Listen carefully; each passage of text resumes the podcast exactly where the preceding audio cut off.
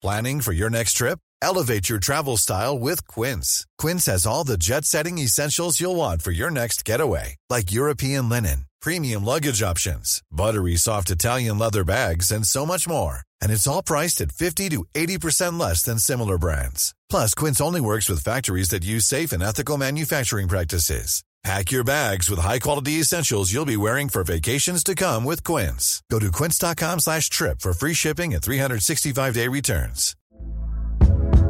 Hey there, it's Michelle Norris. I'm host of a podcast called Your Mama's Kitchen. When I travel, I'm usually looking for a way to find a taste of home when I'm not at home. And one of the things I love to do when I am at home is entertain. And Airbnb allows me to do that. When I was in California recently, I rented a house that had a great kitchen. And when we were sitting around the table, we're all thinking, we're in someone else's house. Someone could be in all of our homes as well.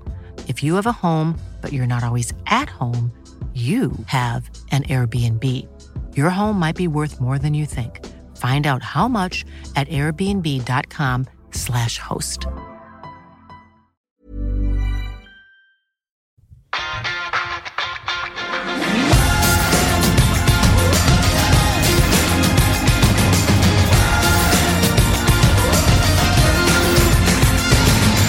Can't believe it. Football, by the hell. Det er sommer, eh, det er silly season, og vi sitter her tre journalister i studio. eh, Og det beste vi veit, er overgangssagaer. Det er ikke alltid det går den veien vi ønsker. Men det er noe med å dekke det som skjer i løpet av en sommer med Manchester United, som, som kan være veldig pirrende, for å bruke det uttrykket. Og i dag, Fredrik og Bjarte, så skal vi ja, rett og slett bade litt i de overgangssagaene som eh, Ja, noen av de endte med positivt fortegn. Eh, andre får vi fortsatt litt sånn grøsninger av å tenke på. Ja, eh, og når du sier positivt fortegn, noen av de ble det jo noe av, og så hadde vi kanskje i ettertid ønsket at det ikke ble det. Men akkurat, akkurat når du står på, så, er det, så blir du liksom Du blir drevet av litt sånn adrenalinrush, og det er sånn jag etter hva er det siste utviklingen i, i eh, rundt bestemte spillere. Så egentlig veldig spennende. Sommeren skulle jo egentlig være en rolig tid med tanke på at det spilles ikke kamper før prisisen starter igjen, men det er jo ofte da det faktisk er nesten aller mest travelt, fordi at ryktene og overgangssaker, det, det opptar folk. Og det opptar oss. Definitivt. Um, jeg tror vi skal dele episoden litt i to. Først så snakker vi om de som eh, kom, de overgangssagaene vi husker eh, aller best. Og så skal vi pirke litt i alle de historiene om de spillerne som eh, vi kunne sett i United-drakt, men som vi aldri fikk se. Ja, og de er det jo vanvittig mange av, og jeg tror eh, at det er de jeg husker best. Eh, sånn har det bare blitt. Alle spillerne du drømte om skulle spille for din klubb, eh, som man fulgte tett i andre klubber og tenkte han der. Nå er det rykter om det, det virker som det skal skje. Åh, det blir så gøy. Og så, og så ble det aldri noe av. Så det har vært så mange skuffelser og nederlag. Eh, så det er nok de jeg husker best. Og så har jeg heldigvis noen gode opplevelser også. Så dette blir gøy å prate om. Vi eh, kjører i gang. Og vi skrur tida tilbake til eh, Ferguson-æraen, vi, Bjarte. Ja, eh, på slutten av Ferguson-æraen. Eh, vi er sommeren 2012, tenker du vel. Eh, og eh, United mistet jo ligagullet til eh, City på mål, eh, målforskjell i eh, 2012. Eh, det var en, det var en veldig bitter pille for veldig mange United-fans. Vi kollapset litt på slutten der. Og da ble det jo påpekt at problemet til United der, det var at vi ikke skåret nok mål. Og det visste som regel Førgesen alltid hvordan han skulle adressere. Han gikk ut på markedet og hentet den beste spissen som var tilgjengelig, eller prøvde seg i hvert fall på det.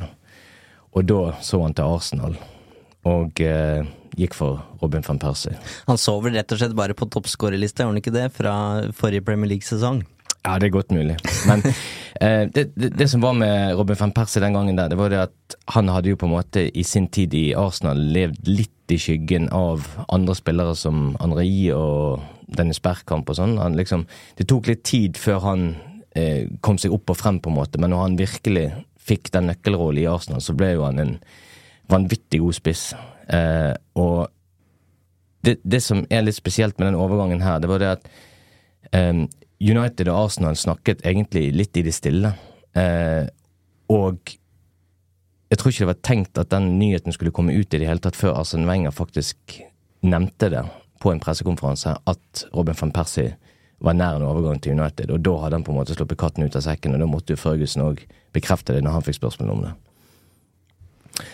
Og eh, det, det, som skjer egentlig der, det er jo det at når, når den ballen begynner å rulle, United og Arsenal blir enige Dette var på en tid hvor Arsenal slet litt med finansene og var avhengig av å selge spillere, spesielt spillere som var på utgående kontrakter. Og United ender jo opp med å betale rett i underkant av 30 millioner pund for Robin van Persie, som var mye penger den gangen der med tanke på at han hadde vel bare ett år igjen i Arsenal. Eh, men for, for Ferguson så var han tydelig på at United trengte en ny spiss, de trengte en målgarantist. Eh, og eh, når de da klarer å komme dit hen med Arsenal til de er enige om alle premissene, så er det jo egentlig bare én ting som gjenstår, og det er da medisinsjekk i Manchester. Og jeg hører at du snakker om eh, økonomi og overgangssummer, eh, Bjarte, men det viktigste med den overgangen her, det er jo sjokket. Følelsene av at Manchester United skal signere Arsenals største stjerne i det som da skulle vise seg å være Fergusons siste forsøk på å vinne sin siste Premier League-tittel.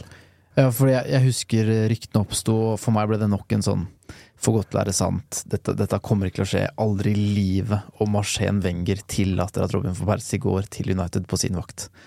Så i ettertid så vil jeg tro at eh, Wenger også angrer bittert på at han lot, at han lot det skje. Eh, mulig hendene hans var bundet og at det kun var United som var villig til å betale en sum, at de av finansielle årsaker dermed var nødt til å selge den.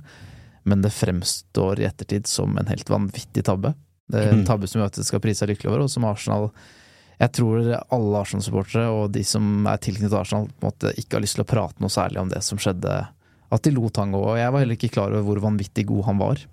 Eh, mm. Altså, jeg visste selvfølgelig at han var god, men det var først da han spilte United jeg skjønte at wow, for en mm. fantastisk spiller han er på alle mulige måter, ikke bare en god målskårer. Absolutt. Og vi har jo sett det veldig ofte med, med spisser som kommer til nye klubber. Altså, Erling Braut Haaland er jo unntak, det han gjorde i City, bare hit the ground rounding from day one veldig ofte så tar det faktisk litt tid før spisser blir varm i trøyen og kommer, kommer til sin rett. Eh, men sånn var det jo aldri med van Persie. Han bare var innfridd fra omtrent dag én. Var helt, ja, var helt, uh, var helt uh, konge. Han fikk, fikk, fikk, fikk vel litt kort innhopp i serieåpning mot Everton når vi tapte, men etter det så var jo han ustoppelig nesten hele sesongen. Så um, ja, en fantastisk signering av Førgesen. Akkurat det United trengte der og da. Men det er jo mange av de navnene som vi skal innom her. Vi kan røpe Wesley Schneider, eksempel. Det er en viss argentiner fra Benfica som vi må innom. Og dette er jo sagaer som faktisk foregikk over flere år, da. Men den van Persie-overgangen her mener jeg gikk relativt kjapt fra det første ryktet til det var bekrefta. Jeg tror også det, og jeg husker så godt. Du nevnte sjokket, og jeg liksom Fra fra Wenger og Ferguson bekrefter det til det faktisk skjer, så tror jeg det går ganske kort tid. Mm. Jeg er på ferie i Italia med fetteren min og broren min, og vi sitter rundt kjøkkenbordet, og det, jeg føler det skjer så fort at jeg på en måte bare scroller og venter på at nå kommer vel bekreftelsen mm. snart, for det har kommet så langt Eller det virka som det hadde kommet så langt før det kom ut. Mm. Eh, som du snakka om, at de snakka om det i det stille, og det virker som at de hadde gjort ganske lenge, fordi da det først kom ut, så, så var det ganske nært, da. Uh, og idet jeg så den uh, offentliggjøringen på ManUnited.com, så husker jeg at gåsehuden kom. Ja, det var jo det der intervjuet med måtte, måtte lytte til guttungen i mm. meg, og du så noen gamle bilder av unge van Persie med noen United-plakater på veggen og ja, det, var, det, var, en fin historie. Og bare, bare for å understreke det som Fredrik sier der, hvor fort det skjedde. Eh, jeg husker jeg hadde en intervjuavtale i Manchester. Jeg skulle egentlig opp og besøke det fotballmuseet som hadde flyttet fra Preston og til til Manchester eh, og skulle få en omvisning der med en egen guide og skrive en stor sak om det. Og jeg er ikke klar over at han skal på, eh, Van skal på medisinsjekk eh, med United samme dag. Så når jeg sitter på toget på vei oppover der, da begynner nyhetene å filtrere rundt om at Van Persie skal på medisinsjekk i United i dag. Og jeg tenkte oi, her må vi stokke litt om på rekkefølgen. Så eh, jeg ringer til eh, redaktøren vår, sjefen vår, Dag, og sier det at det blir litt tomt tåpelig av meg å dra på omvisning på fotballmuseet hvis vi kjøper van Persie, blir ikke det det? Eh, så eh, de var veldig eh, hva skal du si, forståelsesfulle, og vi utsatte den avtalen, og jeg dro i stedet rett fra togstasjonen Piccadilly opp til Bridgewater, der de medisinske sjekkene skjedde før de fikk de fasilitetene på plass på Carrington. Tror det var riktig prioritering. Ja, jeg jeg er usikker på om du hadde fått toppsaken med museet der. Nei, det, Men hva skjer, eh, hva skjer utenfor et eh, sykehus når man venter på en eh, potensiell eh, United-signering? det som var så spesielt, det var det at de første ryktene eller de første rapportene kom gjennom at han skulle ha sin medisinske sjekk i rundt to-tiden på ettermiddagen. Og toget mitt kom vel opp til Manchester, jeg tror det var i rundt ett-tiden, så jeg tenkte at hvis ikke han er tidlig ute, så har jeg god nok tid til dette, så jeg hoppet jo bare rett i en taxi, tok taxi opp der og møtte på en tre-fire andre fotografer, og det var det, liksom. Eh, og spurte om de var der av samme æren, og det kunne de bekrefte at det var de. Eh, og alle hadde hørt det samme. Cirka klokken to skal han komme. Men de hadde ikke fått noe sånn håndfast fra noen. Og så venter vi, og venter vi, og venter vi. Og eh, det, det, som, det som er litt interessant, det er det at denne nyheten om at han skal på medisinsjekk der, den begynner å spre seg i sosiale medier. Sosiale medier på den gangen her, i 2012, var ikke det samme som det var i dag. Men ryktene begynte å gå likevel. Så stadig flere fans dukket opp med plakater og i det hele tatt, og det begynte å samle seg ganske mye folk på fortauet. Det er en utenfor- fin miks. Noen journalister, noen fans, noen som bare later som de tilfeldigvis er nødt til å rusle litt fram og tilbake utafor der. Ja. Og jeg, jeg tror de fleste var liksom i samme situasjon som meg. Jeg husker det, det siste jeg tenkte når jeg satt på toget opp til Manchester, nå må du sørge for at mobiltelefonen din er fulladet, og at PC-en din er fulladet, i tilfelle dette trekker ut i tid. og det gjorde det jo. Eh, men jeg, når jeg kommer der eh, og står utenfor på fortauet der på Bridgewater, og det samler seg mer og mer folk etter hvert, så begynner vi å snakke litt sammen, journalister og fotografer. Eh, og det vi skjønner, det er jo det at hvis dette trekker ut Klokken var vel begynt ja, nærmere seks eller noe sånt, eh, og fremdeles ingen van Persie. Folk begynte å lure på hva som skjer. Eh, og det, det jeg la merke til da, det var det at på Twitter Da fikk jeg først en sånn aha-opplevelse av hvordan Twitter faktisk kan være en kjempekilde for feilinformasjon. For jeg, tror, jeg vet ikke hvor mange ganger jeg leste det at nå er han på medisinsk sjekk, nå er han der. Og det husker jeg, jeg, jeg svarte ikke noen spesifikke folk, men jeg bare la ut sånne Twitter-meldinger at ingen Robin van Persie her står med inngangen, han har ikke kommet. Punktum. Eh, og- i løpet av de timene jeg sto utenfor der, så tror jeg jeg fikk 600-700 nye følgere fra hele verden omtrent. Og det ble tagget her og der. Eh, så da fikk du liksom forståelsen av hvordan det der eh, sosiale medier, dette beistet på en måte, bare, bare levde sitt eget liv på sosiale Vokser seg medier. større og større. Ja. Og jeg, jeg husker vi, vi, vi sto og snakket litt sammen der med, med et par av de fotografene som sto der. og eh, folk begynte å bli sulten.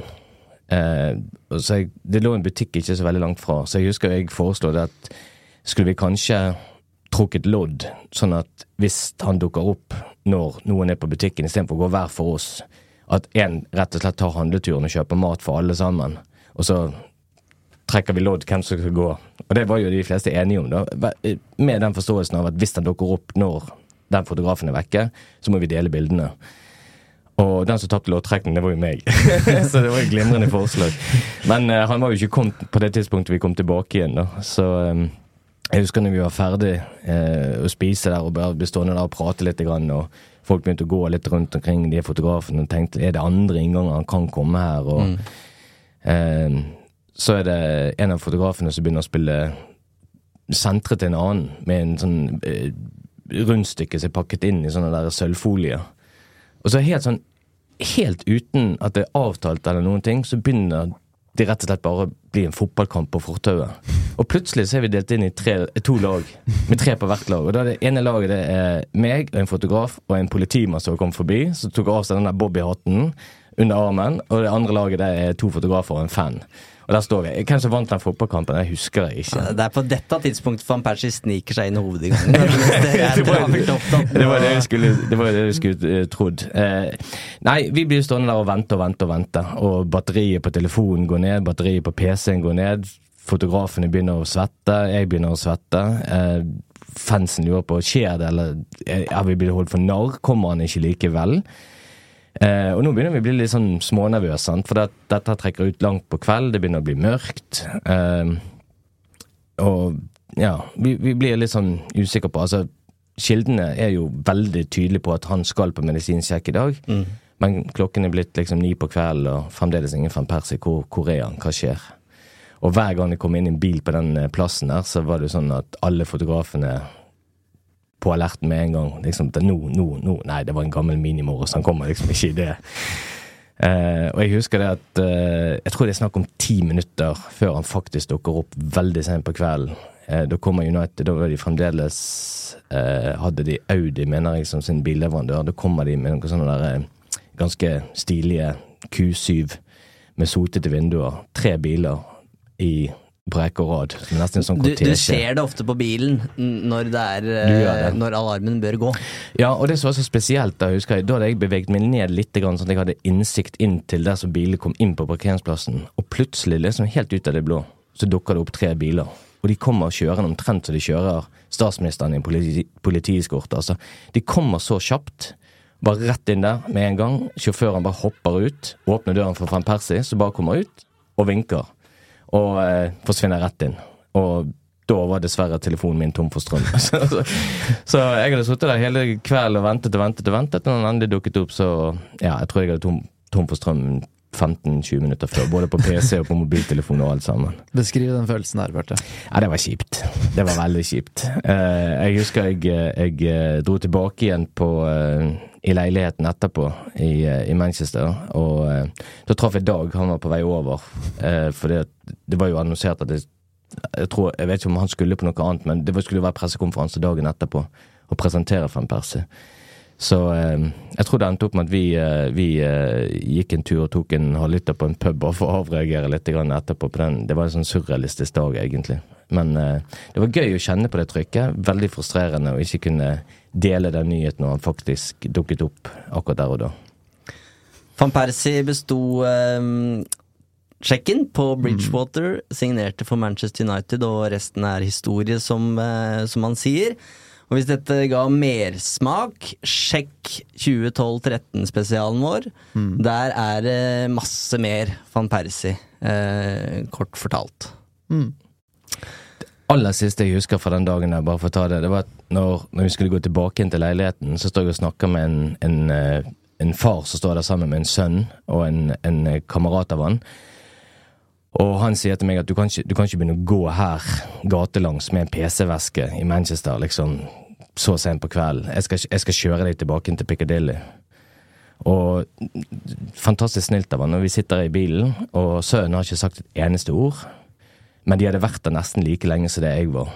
Og mens vi sitter i bilen der, og faren er så oppglødd, så klar liksom for Van Persie United, så sier han, sønnen til faren, liksom bare Dad, did we really wait for like ten hours just to see him turn up? Yes, yes, son, sier faren. That was kind of boring, wasn't it? Og det, det blikket som han da satte i guttungen, det, det, altså det var nesten sånn mord i blikket, altså. Og han bare sier 'shut up, son'. It was, it was absolutely fantastic. Shut up. Og det tror jeg oppsummerer egentlig den eh, følelsen som United-fansen satt med der. Altså vi hadde vi hadde blitt snytt for det ligagullet, og så går vi hen og signerer kanskje den mest attraktive spilleren som var tilgjengelig på markedet. Eh, og vi vet jo hvordan det endte året etterpå. Ja, det er en eh, signering for historien, rett og slett.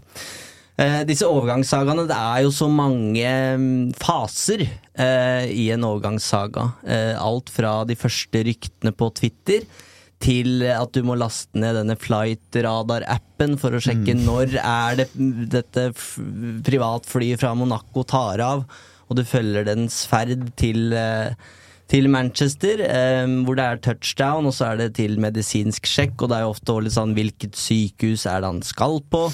Etter hvert så begynner vel United å ta disse sjekkene på Carrington, så det går direkte dit. Um, og da er det plassen å være, og to år etter den van Persie-signeringa, så er jo vi der sammen, Bjarte, eh, for å vente litt mer. Ja, ikke fullt så lenge, men vi, vi Ja, jeg føler det var veldig lenge. Ja. Uh, ja, nei, da hadde jo United Det var jo en overgangssaga som Eller det var, det var ikke en saga, det kom jo enda pl mer plutselig egentlig enn enn, eh, Robin van Persie. Det var jo det var samme morgen så fikk vi vite at, uh, at United kom til å signere Radamel Falcao på lån. Eh, og jeg, jeg husker ikke hvor den nyheten først sprakk, men vi satt i hvert fall i Manchester begge to når det Jeg skjedde. studerte jo i Manchester Ja. på det tidspunktet. her Hadde vel omtrent akkurat kommet eh, til byen for å tilbringe det neste året der. eh, og sto derfor klar når du kom opp fra London. Mm. Og vi tok en eh, taxi ut til Carrington for å dekke noe som du da ikke veit hva er. Sannsynligvis så er det jo bare en bil som kjører forbi, men det er noe med nyhetsverdien, da. I eh, et håndfast bevis på at Radamel Falcao er på Carrington. Mm. Og jeg, jeg har sagt det flere ganger før. Altså, jeg, jeg tenker jo over til disse, disse verdensstjernene som kommer til United. Altså, selve Carrington, treningsanlegget til United, er jo veldig fint. Det er jo storslått anlegg med fantastisk mange fotballbaner og storslåtte bygninger og alt det der. Men alt som ligger rundt, for de som ikke har vært der, det er jo bare stor ødemark. Det ligger en stor sånn der eh, Hvis du, skal, hvis du skal ta taxi ut til Carrington, så er det jo egentlig bare å si til taxisjåføren eh, at jeg har opp Google Maps, og så skal jeg gi deg directions. For de aner ikke, og det er fort gjort å kjøre seg bort i Carrington-land.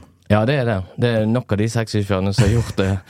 Eh, nei, men det, det er jo bare et stort eh, øde, øde landskap, holdt jeg på å si. Masse gressletter og myrer og noen kyr som beiter og en, en stor sånn der eh, eh, trafokiosk eller sånn elektrisitetsanlegg og noe greier som ligger der ute. Så hvis ikke du vet at her ligger treningsfeltet til Manchester United, så hadde du aldri gjettet det. Det er ingenting som skulle tilsi det. Det er ikke noe skilting eller noe sånt sett her. Ehm, men så ble jo vi litt, i likhet med veldig mange andre fans som sto rundt der, da, vi ble jo litt sånn skal vi si lurt? Eh, for det er jo to innganger til Carrington. Ja, og dette her, dette her syns jeg Jeg måtte sjekke det opp, skjønner du. For dette er jo i Twitters spede begynnelse, men, men vi blei på en måte mm, Det var oss og fans, eh, og så var det fotografer som ikke er så aktive på Twitter. Så vi blei på en måte talerøret ut i den store verden. Eh, Og ga vel først lyd på at vi er her, og kommer til å rapportere når Falcao kommer, og dermed alle disse kontoene som da begynner å følge oss, og du ser at vi blir oversatt til japansk og spansk og det som verre er. Um, og så er det jo noen eh, Tidligere på sommeren så har jo Di Maria kommet. Uh, men han ble da sniket inn bakveien, for det er flere innganger til Carrington. Eh, og jeg husker jo ikke dette her, begynner jo å bli mange år siden, men jeg ser at eh, en av mine første tweets Og dette kan jeg fortelle nå, det er nesten forelda.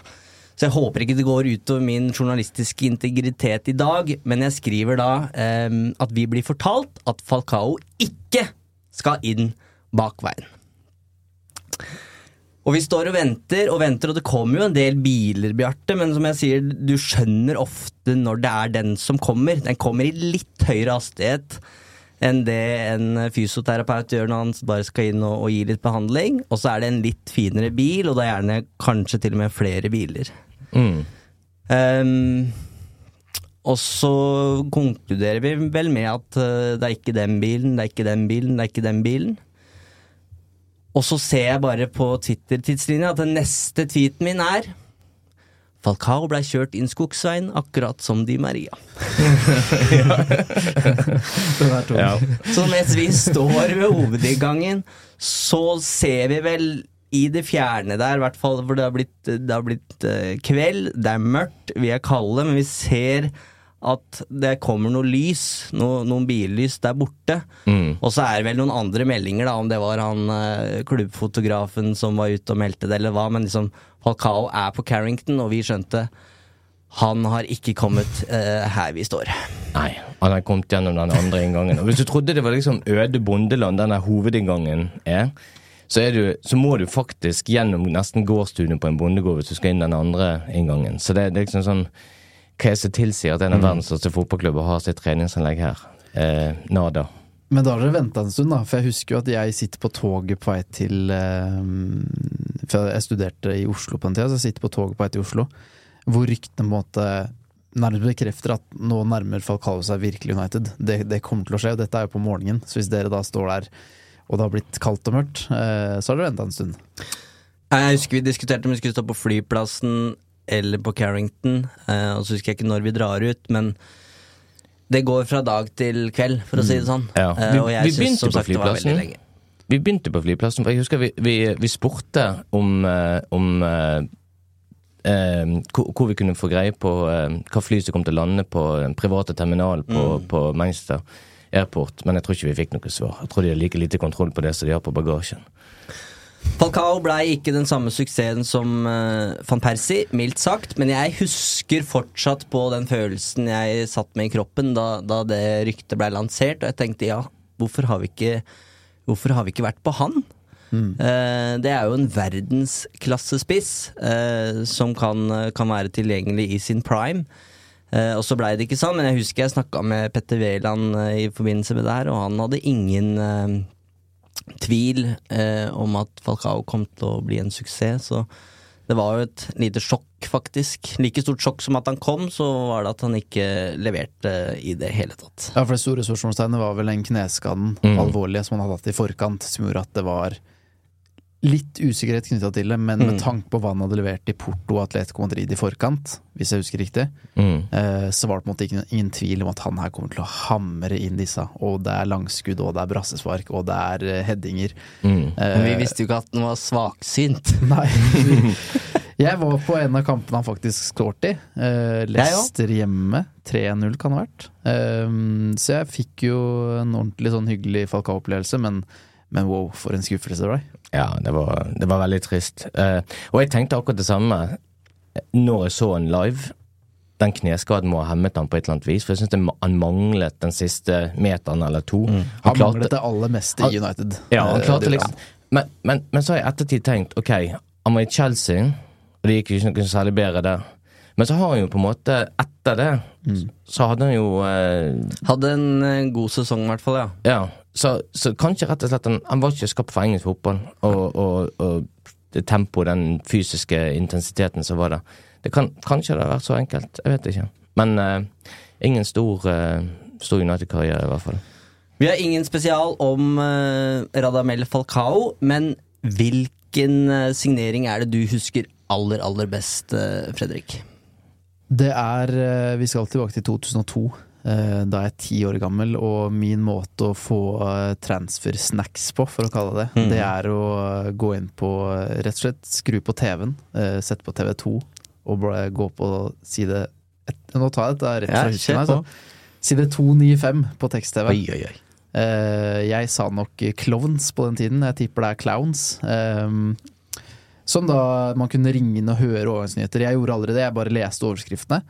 Uh, og den uh, overgangen jeg fulgte med på den sommeren der, det var Rio Ferdinand fra Leeds til Manchester United. Og på den tida her så spilte jeg også CM 0102.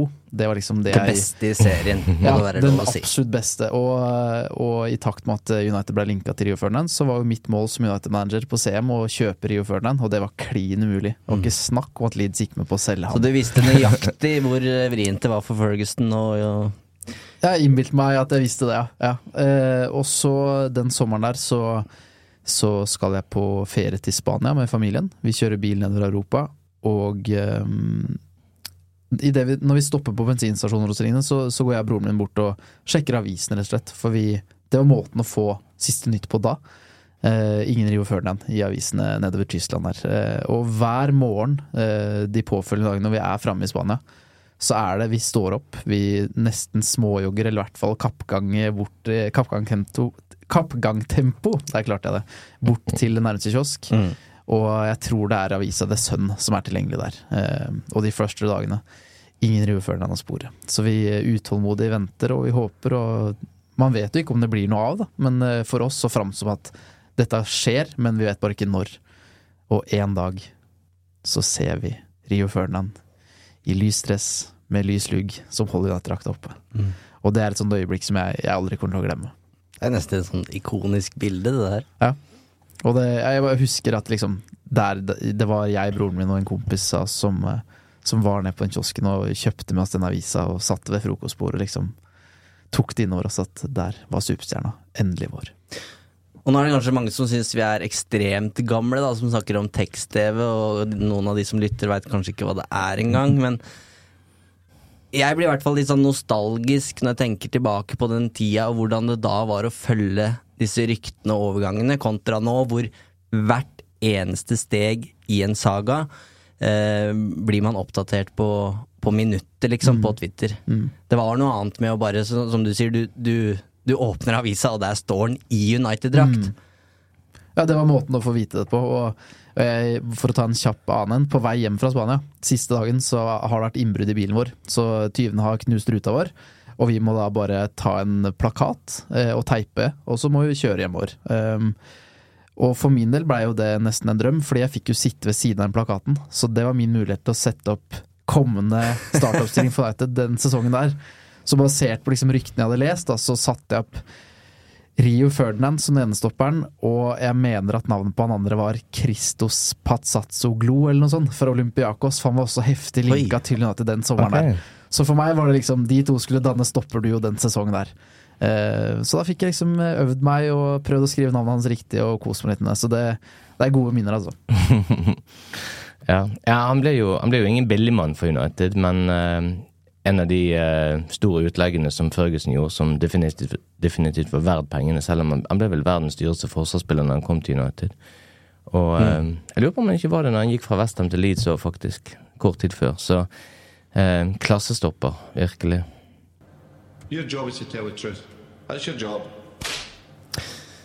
Det jeg husker best, eh, det er det jeg velger å kalle helvetessommeren Mm.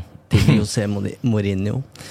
Uh, dekka jo den i USA, eh, og det er jo ikke til å legge skjul på at det er en Det er et ganske betydelig innhugg i budsjettet til lille United ennå, da, eh, å sende en mann dit. Eh, og første matchen der er jo mot Liverpool, og de taper 4-1. Og jeg husker jeg tenker, er det det her Er det sånn det skal være på amerikansk jord, så kan det bli 2018, ikke eh, tungt. Dette er i 2018. Um, men det er noe med å dekke en sånn uh, tornado som det var som journalist, da, som, som, var, uh, som var veldig Veldig gøy. Uh, veldig lærerikt. Um, og det, det, det, det er jo den sommeren det imploderer for Mourinho. Um, en ting er at det går dårlig resultatmessig, men han eh, får jo ikke de overgangene han vil ha. eh, og dette er jo etter VM, så han har jo en veldig liten tropp i USA der. eh, Eller en tynn tropp. Um, og det er bare rett og slett veldig dårlig stemning. Um, og så er neste matchen etter Liverpool er mot Real Madrid i, um, i Miami. Og jeg befinner meg da på spillerhotellet til Manchester United der. Det er for så vidt en annen historie som vi kan ta seinere, men Bodde du på det samme Nei, på ingen, på ingen måte. Ganske bra innhugg i budsjettet. For å si det sånn, jeg kom til det femstjerners hotellet i en Toyota, aldri følt meg mindre. Og du føler deg ikke noe særlig mindre når den første du møter i heisen er Ed Woodward, og du veit ikke helt hvordan du skal starte den samtalen der. Eh, det blei ikke noen samtale, men jeg går ut i lobbyen, har intervjua Herrera og Chris Smalling, og er veldig happy med det. Og så har jeg avtalt med deg, Bjarte, at jeg skal ringe deg, eh, og så skal vi lage en video eh, om alle utfordringene, all klaginga til Mourinho. Mm. Og så tenker jeg, hvorfor ikke gjøre det i lobbyen her? Eh, det er, kan jo være et litt sånn artig poeng, eh, at jeg sitter her. Og så er det et sånt lite avlukke eh, hvor du kan sitte litt i fred. Det er liksom skjerma, det er ikke en dør inn, det er bare en åpen inngang. Eh, men der kan jeg sitte litt i fred. Så jeg setter meg der, kobler opp, ringer deg, eh, og jeg tror til og med trykker på rekk. Og så ser jeg liksom i sidesynet at han høye spanjolen, han keepertreneren, eh, Alvarez, for det er det han het, eh, at han kommer gående, eh, og så kommer Mourinho bak. Vi er jo i gang, så jeg holder det bare gående, for så vidt. Uh, og så ender det med at Mourinho på en måte rygger inn i det rommet som jeg sitter. Uh, og jeg fikk altså så skjelven, for det er klart, vi snakker jo på norsk, så det er ingen som skjønner at jeg sitter der og, og er kritisk mot det Mourinho eh, sier på pressekonferansen i USA, men det er ikke noe komfortabel situasjon å være i. Egentlig, egentlig så vil du bare Du vil fordufte, men det som er greia, er at han står eh, Han står på en måte og dekker, eh, blokkerer utgangen der, så jeg, jeg kommer meg ingen vei. Og så tror jeg bare legger på med deg, Bjarte. Smeller igjen Mac-en. Ehm, og så er Mourinho i telefon Eh, og jeg prøver jo ikke på en måte å, å lytte med vilje. Jeg vil, jeg vil bare bort. Jeg vil inn i den Toyotaen og komme meg bort, for det var så ubehagelig. Men jeg kan ikke unngå å høre det Mourinho sier i, i telefonen, og ansiktsuttrykket hans er Jeg husker det den dag i dag. Det, han er så resignert, han er så forbanna, han er så eh, Det er så mange følelser i spill inn. Eh, og så sier han eh, relativt høyt for så vidt inn i telefonen This is shit. This is shit. This is fucking shit. Da var det et eller annet han ikke hadde fått sin vilje på, får vi anta. Det var nok en av de eh, overgangene han hadde lyst på som eh, sannsynligvis ikke gikk i orden, eller noe annet som ikke var på stell. Eh, men det var jo veldig beskrivende da, for hvordan den sommeren var, og hvilken vei det gikk for Manchester United. Eh, og jeg husker jeg, var- jeg var livredd for å bli avslørt. Altså sånn, Om jeg er avslørt, så mener jeg Har du nå stått her og lytta til den telefonsamtalen min som en journalist? Jeg banner deg forever. Mm. Adjø. Eh, men jeg kom, meg, jeg, jeg kom meg ut, og jeg kom meg inn i Toyotaen og kom meg av gårde. Så det, så det, det går jo fint. Eh, United taper for Real Madrid, eh, og han sier på pressekonferansen etterpå at han skjønner ikke hvorfor noen gidder å betale penger for å se på det United-laget her. For en mann! Etter, Tenk å si etter den pressekonferansen så, så ser, jeg, ser jeg Mourinho komme gående utenfor eh, for eh, garderoben, og så kommer Edward Nei, Ed, Ed Woodward, som han heter, løpende etter og liksom roper 'José, José'. Eh, og så har de en samtale hvor du også kan bare lese Altså han Mourinho lytter til, til det Woodward sier, og så bare liksom Han gir ikke noe respons, han bare snur seg og går videre. Ehm, og greia her er jo at Mourinho vil ha Maguire. Mm. Uh, hvis han ikke vil ha Maguire, får Maguire, så vil, vil han ha Alderweireld eller Boateng. Klubben eh, sier vel til Mourinho på en måte at du, du tenker for kortsiktig. Vi, vi tenker mer langsiktig her. Um, og de legger ned veto mot de overgangsmåla han har. Uh, og tvinger vel også på en måte til å beholde Martial. Og det ender jo med at Mourinho får Fred, Dalot og, og Lee Grant den uh, sommeren der. Eh, og det var, ja det, det, det var en så giftig stemning der. Eh, han kom jo med en, et Martial-sitat som klubben vil fjerne før det går på lufta, men de rekker det ikke. Og det handler jo om at Mourinho syns det er helt håpløst at Martial skal reise hjem til sin kjæreste som nettopp har født i Frankrike. Eh, vi fikk vite at det var spillere som trakk sitater i frykt for hva Mourinho ville si når han leste intervjuet. Eh, så spillerne gikk på en måte altså, De gikk på eggeskall. Mm. Og jeg husker jeg kom hjem fra den turneen og bare konkluderte i en kommentar med at Mourinho har drept det laget her i sommer. For hvis ikke han tror på det prosjektet her nå, i sesong nummer tre, hvorfor skal spillerne gjøre det? Hvorfor skal vi som fans gjøre det? Og i ettertid så har jeg fått vite at han var dead man walking på det tidspunktet der. Han var ferdig. Det, det var bare et tidsspørsmål. Eh, og det går jo et halvt år, så, så er det over. Men, men selv om United ble nummer to i, i serien året, sesongen før, altså den som avsluttet noen måneder før du var i USA, ehm, så, så satt jeg med en følelse av at Mourinho sine aksjer i United var på, på kraftig retur. Eh, det var også Fansen var ikke så mye bak han som de hadde vært. Det, det virket som det var en sånn nedadgående kurve og en dårlig stemning. Eh, tro, tror du at det var bare en fortsettelse av det, eller var det sånn eh, Mourinho tenkte kanskje der i sommer at ok, vi avslutter sesongen dårlig. Han mistet jo blant annet assistenttreneren sin. Sant? Så eh, var, var det på en måte bare en snøball som var begynt å rulle, og så fikk han på en måte for alvor fart borte i USA, og at det ble tungen på vektskålen for han? Vi var jo på FA Cup-finalen Ja. den sommeren. Eller våren, da. Ja, Så mye sinte United-fans tror jeg nesten aldri jeg har sett. Det var akkurat det. Vi fikk jo liksom virkelig føle på hvilket sinne som var der ute eh, over at United ikke hadde slått Chelsea i den finalen. Um, og jeg, jeg tenker jo at eh, for Mourinho så, så var det nok liksom det, dette er den sesongen det må skje. Det er nå vi må eh, utfordre City. Og det er jo også i, i de tidene her han sier at min største prestasjon som manager er å ta det United-laget er til en andreplass. Mm.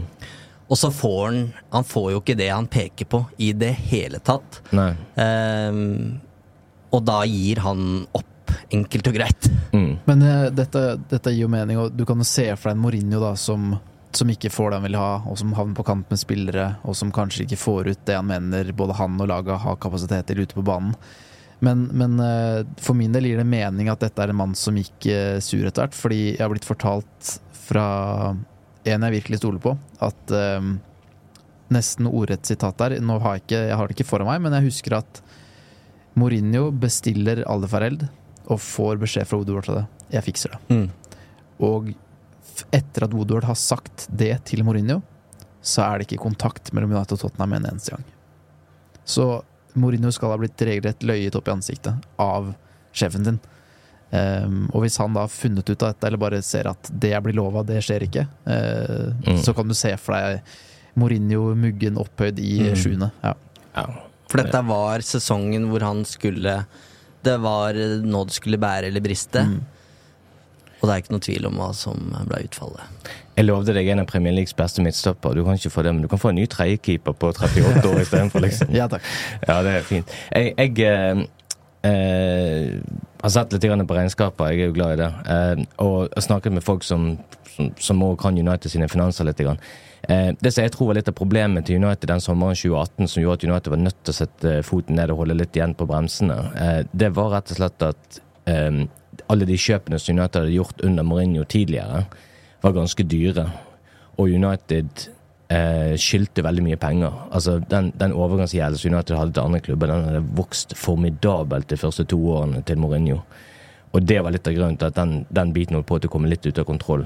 Eh, men det er jo ingen unnskyldning for, som du sier, Fredrik, hvis han hadde blitt lovet at han skulle få alle feirelt, og så får han så ikke kontakt med United og Tottenham i det hele tatt. Eh, men jeg Jeg, eh, jeg, jeg syns det minnes den sesongen der, 2017-2018, altså året før, da, begynner United fantastisk. Lukaku kom fra Everton, vi vinner 4-0 eh, mot Western med det vel i åpningskampen, men eh, vi slår Swansea Swansea 4-0.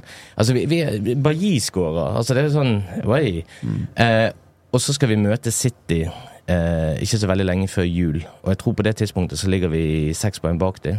Og hvis vi slår dem, så er vi på en måte klorer oss fast i den gullkampen, i hvert fall. Og så taper vi 2-1. Å tape 2-1, er greit, men vi, vi, er, vi blir egentlig rundspilt av City. Og strategien til Mourinho, det er lange baller opp på Lukaku hele tiden, og laget kommer ikke etter. Og eh, uansett hva United prøvde på, så var det de gikk, det gikk helt i lås. Og det har på en måte i ettertid for meg blitt en sånn kamp der jeg følte at en del av United sin litt mer trofaste tilhengerskare begynte sakte, men sikkert å vende seg litt mot, mot Mourinho. De hadde trodd liksom det at eh, kan, kan vi henge med i kampen om gull her, så, så skal vi gi dem en sjanse. De hadde tross alt i første sesongen hans vunnet ligacupen, de hadde vunnet Europaligaen. Nå var det liksom naturlig å gå videre. Og jeg husker jo òg når United røk ut av Champions League. Jeg måtte Sevilla, via den pressekonferansen hvor Ja, han den er spesiell. Der eh, Hva skal jeg si, der trer den jo på en måte løkka rundt sin egen hals, da, fordi da går den ut mot Manchester United som fotballklubb og kulturen og fansen og alt, når han sier at det her er jo Dette er jo dette er jo Manchester United. Dette er typisk Manchester United. De klarer ingenting. Og så kommer dagen etter, så er det den Heritage-pressekonferansen. eh, hvor han virkelig eh, greier ut. Mm. Mm. du, mange ville jo kanskje tenkt at hvis, hvis du får skuffelsen litt på avstand, så modererer du deg litt, men ikke Mourinho. For når han først er i gang, så er han ikke til å stoppe. Uh, I just love United. All right, vi, skal, vi må ta noen uh, andre overgangssagaer som vi husker uh, godt, med United-spillere som uh, ja, ble United-spillere til slutt. eh, før vi snakker om de som ikke kom. Um, kan du grave fram noe fra gamle dager, Bjarte? Ja, den, den som eh, Den er jo velkjent, men det, det er umulig å ikke komme innom Erik Cantona. Den er så spesiell, eh, fordi Altså For det første så skjer jo dette her eh, Altså Det var jo ikke noen overgangsvinduer på, samme, på samme måte som vi har i dag. Bare det liksom. er jo helt sjukt. Ja, det er jo faktisk det. Dette skjer jo i november. sant? Eh, Slutten av Tenk om det hadde vært sånn i dag. Det hadde vært helt kaos. Det hadde jo ikke gått. Det hadde vært helt umulig. Eh, men men uh, igjen, vi snakker om United mister ligagullet til Leeds. Uh, kanskje litt av Erik Cantona, som da var Leeds-spiller. Men en av lyspunktene for United er jo Dennis Irvin. En sånn spiller syv av åtte av ti på spillerbørsen omtrent hver eneste kamp. En Bunnsolid. Sikkert et, kanskje det første navnet Ferguson setter opp på lagoppstillingen hele tiden. En sånn bankers på laget. Glimrende spiller. Og han var jo gammel Leeds-spiller før han gikk til Oldham, der United kjøpte han fra. Og nå har jo Leeds lyst til å hente han tilbake igjen. Så de eh, Leeds, Leeds tar kontakt med United. Gamle Leeds-formann Bill Fotherby ringer til Martin Edwards og eh, spør kan vi kjøpe Dennis Irvin. Og Ferguson er angivelig da på eh, Ikke bare angivelig, han er på kontoret til Martin Edwards og, og får eh, spørsmål om det er aktuelt å selge Dennis Irvin. No chance, sier Førgesen. Og i samtaler så sier bare Førgesen til eh, Martin Edwards Ask about Cantona. Og eh, da går han tilbake igjen. Eh, Leeds sin formann Bill Follerby går tilbake igjen og sier at jeg må snakke med, med manageren Howard Wilkinson. Jeg kommer tilbake igjen. Og kort tid etterpå Det er greit. Han, eh, han er Dakas. Eh, og den, den slår jo ned som en bombe. For det, altså Førgesen har jo sagt i Jeg husker den, den gangen der i intervjuet Hvor lenge var Cantona i tankene dine? Det kan jo ikke bare vært den telefonsamtalen der. Yeah. Really? Yeah. Men eh, Manchester United-spillerne hadde jo tipset Førgesen om Cantona. Han hadde jo sett hva Cantona hadde gjort i Leeds. Men jeg tror samtidig dette var en sånn type signering. Noen ganger så, så gjorde Førgesen Han var ikke redd for å ta betydelige avgjørelser. Nesten litt sånn på sparket. Han var flink til å ta avgjørelser. De rette avgjørelsene. Han traff ikke alltid, men han traff veldig ofte. Og Cantona var vel kanskje den beste avgjørelsen han gjorde som United-sjef, nesten. En legendarisk telefonsamtale. Vanskelig å se for seg at det skulle skjedd i dag også, med eh, mellommenn og agenter og det som er. Ja, og det, dette er jo Altså, mye skjer i løpet av ti år eh, i fotball. Så det er ti år siden Ferguson ga seg. Men når United hadde David Gill og Alex Ferguson til å lede spillejakten for klubben, så gjorde de det veldig ofte i hva skal du si, med langt større grad av hemmelighet og, og i det skjulte enn det som har skjedd siden. Eh, Ed Woodward kom inn og på en måte eh, allerede første sommeren, allerede 2013, bare noen uker etter at Ferguson er gått av, liksom, og vi vet at David Moy skal overta, så begynner United med en helt ny strategi. Og det er jeg har vel påpekt mange ganger siden. Eh, det var et stort tap for United at Ferguson gikk, men det var et kanskje nesten like stort tap at David Gill forsvant og overlot butikken til eh, Ed Woodward, som med all mulig respekt for hans finansielle innsikt ikke hadde peiling på hva han egentlig skulle gjøre på overgangsfronten. Det er mange gullsigneringer vi kunne stoppa opp ved her, eh, men det er på en måte ikke signeringene vi skal vurdere nå. Det er jo de sagaene vi husker best. Eh, og det er jo ikke til å komme utenom eh, en viss portugiser som eh, ja, rett og slett sjokkerte John O'Shay og co. i, eh, i Lisboa. Mm. Jeg um, har snakka om folk som jobba i klubben på, og som var i garderoben ehm, etter kampen hvor eh, Ronaldo herja med United. Ehm, og vedkommende jeg prata med om det, husker, husker liksom ikke om han om han selv eh, så og hørte spillerne be på sine knær nærmest i Ferguson, men at støtteapparatet var helt sånn han, han, Vi reiser ikke herfra før vi har med oss hjem. Mm. Og det, det pågikk forhandlinger mellom klubbene umiddelbart etter kamp. Eh, for den spilleren skulle de De, de skulle bare ha han. Og um, Det var, jo egentlig Wenger som var først ute. Mm. Han var vel på en måte på vei til Arsenal idet Manchester United skal møte Sporting. Mm. Eh, og så tror jeg, ja, som du sier, forhandlingene skjer der. Ferguson er på en måte ikke i United-garderoben fordi Mm. han snakker med en Sporting-sjef om, om Ronaldo. Og Ronaldo skulle vært så god at spilleren på en måte De lo av John O'Shea etter kampen. Ja, det er gøy. Det, det, var, det, var, altså, det, det var noe vi spøkte med selv. Altså, jeg, Ja, ja. tror folk overdrev liksom, ja, han var svimmel, men det var, det var på et sånt nivå at O'Shea også bare Vet du jeg har ikke sjans. Han her, han her klarer ikke å stoppe. Så det skal ha vært en sånn vanvittig komisk setting, hvor spillerne bare ser på O'Shea og bare ler bare at ja, vi hadde ikke klart å stoppe en heller, men, men stakkars deg. Der var det synd på, liksom. Så, så god var han. Eh, og det tok vel ikke lang tid før han møtte opp i en fargerik genser og var, var United-spiller. Var det noen få dager etterpå, eller var det dagen etter? Altså, det gikk veldig fort. Mm. Det gjorde det. De bildene der òg er helt syke. Ja, ja. Den genseren, det er modig valg Ja. når du skal presenteres som eh, United-spiller. Selvtillit i orden allerede da, han. Ja. Ja. Litt sånn krøller og Ja. litt bleiket hår. Og, Regulering. Ja, ja. Det var tider. eh, Så kommer han jo tilbake igjen, da. Dette var jo i 2003. Mm. eh, Og 2021-sagaen er jo egentlig ikke noe dårligere, den. Ronaldo er ifølge rapportene på vei til Manchester City. Mm. United bråvenner, og i løpet av 24 timer så kupper de rett og slett Ronaldo fra City. Mm.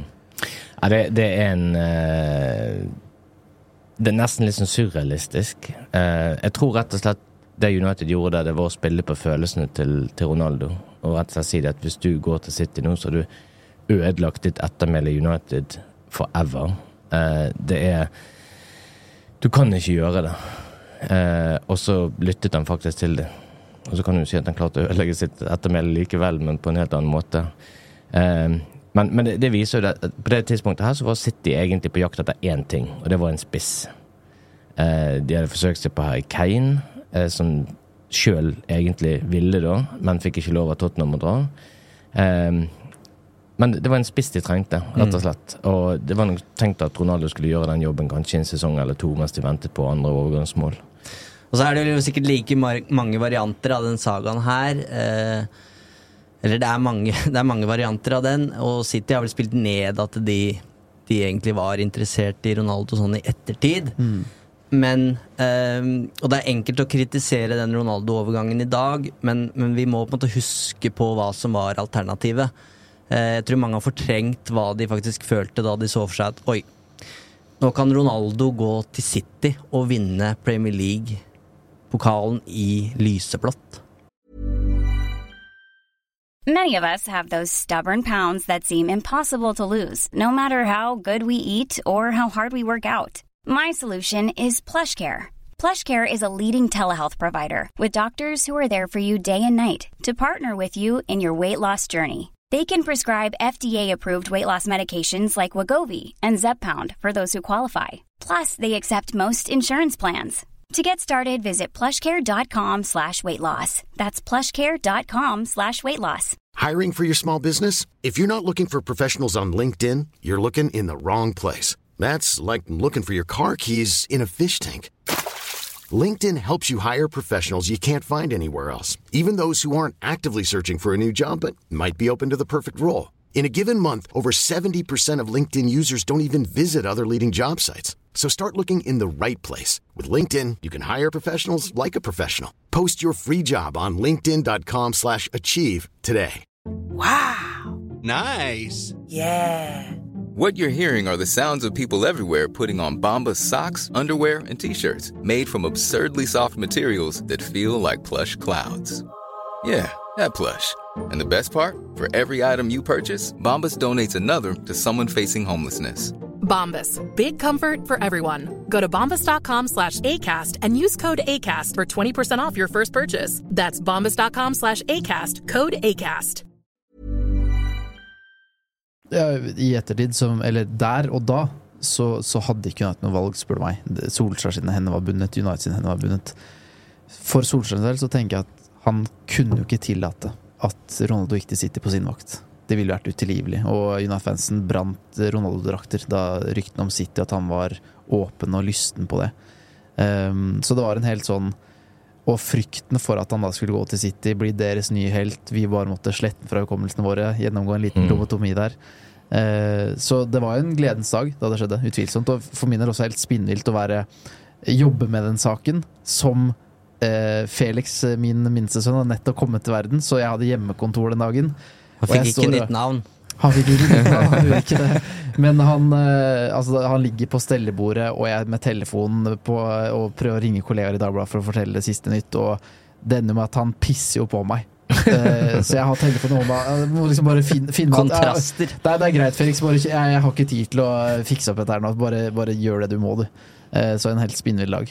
Men du skulle si noe. Det tekst-TV ikke kan by på, som Twitter kan uh, gi deg, det er jo det smilet til uh, Rio Ferdinand. Det var ganske legendarisk, faktisk. Han legger ut en ganske kryptisk video tidlig på dagen der, hvor det egentlig bare er rykter. Mm. Hvor han vel bare filmer seg sjøl, og liksom at han Gnir seg humrer sånn. i Ja, gnir seg i hendene, humrer inn i kamera. Og så gir det her veldig mening etter hvert som du skjønner at uh, Mm. United har handla raskt her. Og det er veldig interessant å se på, for Solskjær fikk jo spørsmål på pressekonferansen når de City-ryktene var som sterkest. Og han sitter helt rolig og sier det at Cristiano vet at hvis han vi, vi, vi, jeg husker ikke Vi er her, eller her, ja, døra står alltid åpen, eller noe riktig, sånt Riktig, døren er alltid åpen. Liksom. Og på det tidspunktet her så har nok han visst mye mer enn det folk var klar over at han visste. Og derfor kan forholde seg såpass rolig som han faktisk kunne. Men eh, spektakulær overgang, definitivt. Eh, det er nesten litt sånn eh, Jeg husker jeg var på lekeplass med, med datteren min, eh, og vanligvis er jeg alltid sånn at ok, hvis jeg, hvis jeg er på lekeplassen, så er jeg liksom til stede. Jeg sitter ikke og scroller på telefonen sånn som veldig mange andre foreldre gjør, bare overlater ungene til seg sjøl. Å ja, oh, falt du ned, liksom? Sånn. Du, du prøver liksom hele tiden å være der, men den dagen der så var det sjanseløst. Jeg måtte liksom bare sånn. Eh, Hun, hun, hun der borte ser ut som en veldig snill. Gå og lek med henne. Sånn. Jeg, jeg, jeg er nødt til å prøve å få med meg hva som skjer her. Eh, og det, følelsen av å sitte der og se hvordan den vinden dreiet fra City over til United der, det var, det var helt surrealistisk. Og eh, det er, til tross for hvordan det gikk, en av de mest spesielle kampene jeg noen gang har sett med United. Det var når han kom tilbake igjen og kan, kan vi si redebuterte, eller gjorde comeback i United eh, en 4-1-seier mot Newcastle, og han skårer eh, eh, eh, Altså 1-0-målet når han skårer rett før pause der, det er litt sånn eh, Det kommer liksom ut av ingenting. Det er vel retur fra keeperen, og sånt, så det kommer liksom brått på alle sammen. Men når han eh, Han har et sånn kjempelangt raid. Og da ser du bare han løper fra bekken. Og jeg tenker liksom det at han har farten ennå. Han er begynt å bli gammel, men han har det der i seg ennå. Han er så suveren. og Du bare merker hvordan hele stemningen bygger seg opp. Og idet han setter ballen i mål, så er det sånn at du kjenner hele betongkonstruksjonen på Old Trafford bare dirre. Og det jo vondt nesten i trommehinnene for liksom det jubelbrølet. Og det er ikke en opplevelse du har så mange ganger på Old Trafford. Du bare føler liksom at hele tribunen står og rister. Det var veldig spesielt. Og da tenkte jeg liksom at nå har vi begynt på en sesong som lover bra.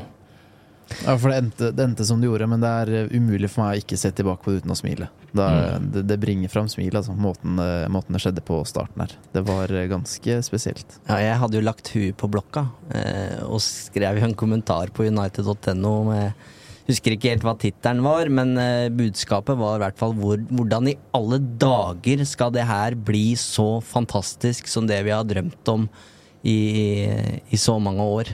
Her kommer gledesdreperen, tror jeg du skrev. Ja, ja. Festbremsen. Ja. Fest- Festbremsen var det du skrev, ja. Mm.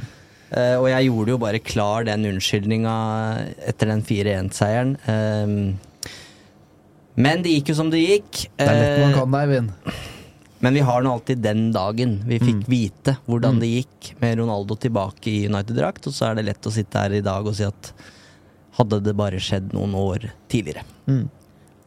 Eh, vi har snakka om Cantona og Van Nistelrooy har vi ikke snakka om. Men vi har snakka om eh, Ronaldo. Eh, men den største overgangen i engelsk fotball eh, for meg, det er eh, Wayne Rooney til Manchester United i 2004. Hadde nettopp levert et eh, bra mesterskap for England og var Han blei jo på en måte omtalt som det største talentet i England noensinne. I hvert fall sånn i moderne tid. Mm. når det blei klart at Manchester United vant kampen om Rooney, eh, foran Newcastle faktisk, av Mm. alle ting, Mm. så var det så stort på det tidspunktet. Og når jeg ser tilbake i dag, så syns jeg fortsatt det er like stort med tanke på at Rooney blei så lenge som han gjorde, og utretta det han gjorde under Ferguson. Jeg husker den dagen så vanvittig godt, eh, og kan spole litt tilbake før det. For jeg, jeg så kampen da han uh, scora mot Arsenal, som Everton-spiller. eh, når han tror han rykker forbi Sol Campbell og legger han opp i krysset bak David Seaman. Men den dagen han blir United-klar, så, så går jeg på barneskolen. eh, Og det var sjelden at det var en Det var jo noen stasjonære PC-er tilgjengelig her og der.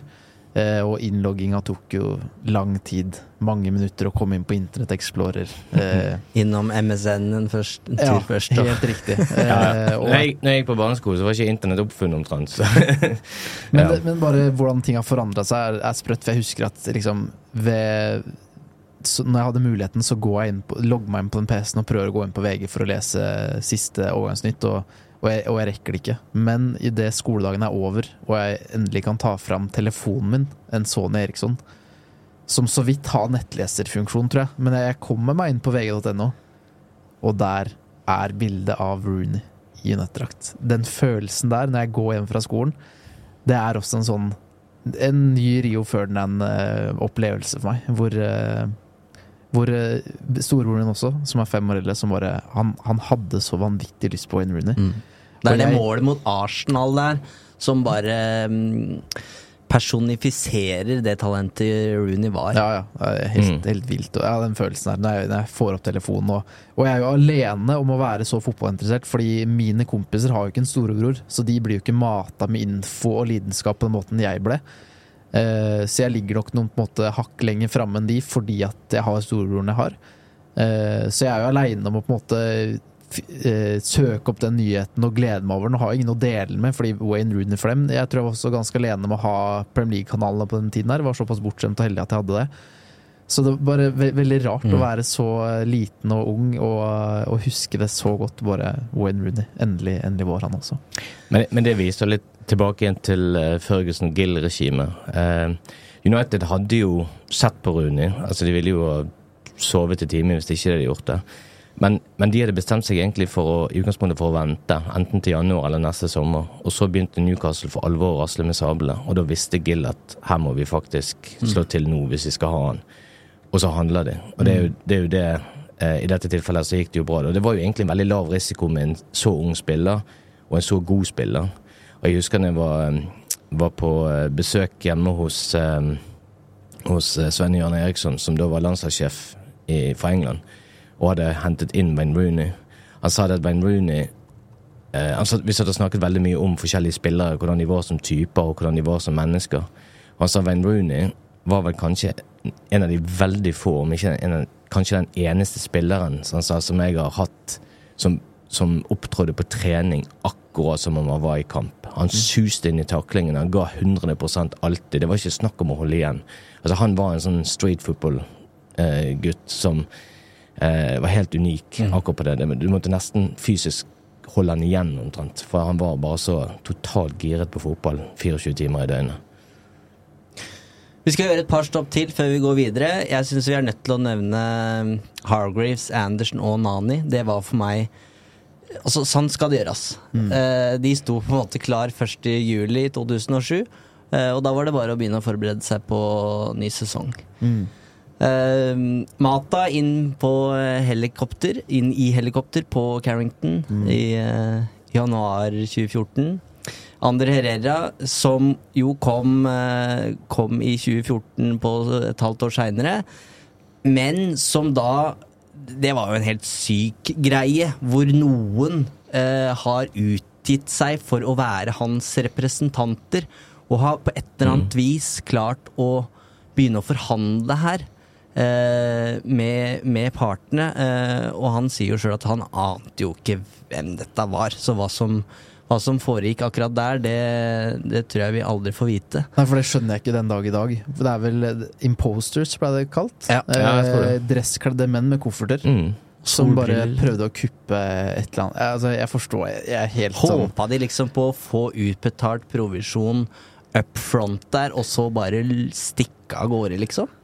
Eller at de har kanskje håpet om å få et eller annet klarsignal fra en eller annen retning, og så kunne gå til Camp Pereira og sagt at hvis, blir, hvis vi blir agenten din, så er overgangen til United i boks. Jeg vet ikke. Men Herrera sa vel Du har vel snakket med flere ganger enn jeg har, men jeg, jeg mener jeg husker at han, han, han snakket om eh, til meg en gang det at eh, den sommeren det ikke ble noe av United, så, så kom han jo Det var vel sommeren 2013. Ja. Så sommeren 2014, når han da kommer, og det begynner å bygge seg opp, så har han ett innstendig ønske. og det er at Han sier han vil gjerne til United, men han vil ikke ha det samme opplegget som sist. Så hvis, hvis Ja, det kan jeg skjønne. ja. Så hvis, så hvis, så hvis uh, interessen fra United er reell, og at det ikke blir noe sånn eh, langdryg saga en gang til, så, så er han interessert. Uh, og jeg vet at United brukte jo blant annet en del eh, journalister, eh, engelske journalister, spansktalende journalister, som, som til å gjøre en del arbeid på gulvet for dem, på, på en måte få, Mm. få sondere terrenget litt og få være sikker på at han fremdeles er interessert, at ikke de går i dialog med han på nytt i tilfelle det ikke skulle gå. For det at du kan jo ikke holde en spiller for narr to somre på rad på den måten.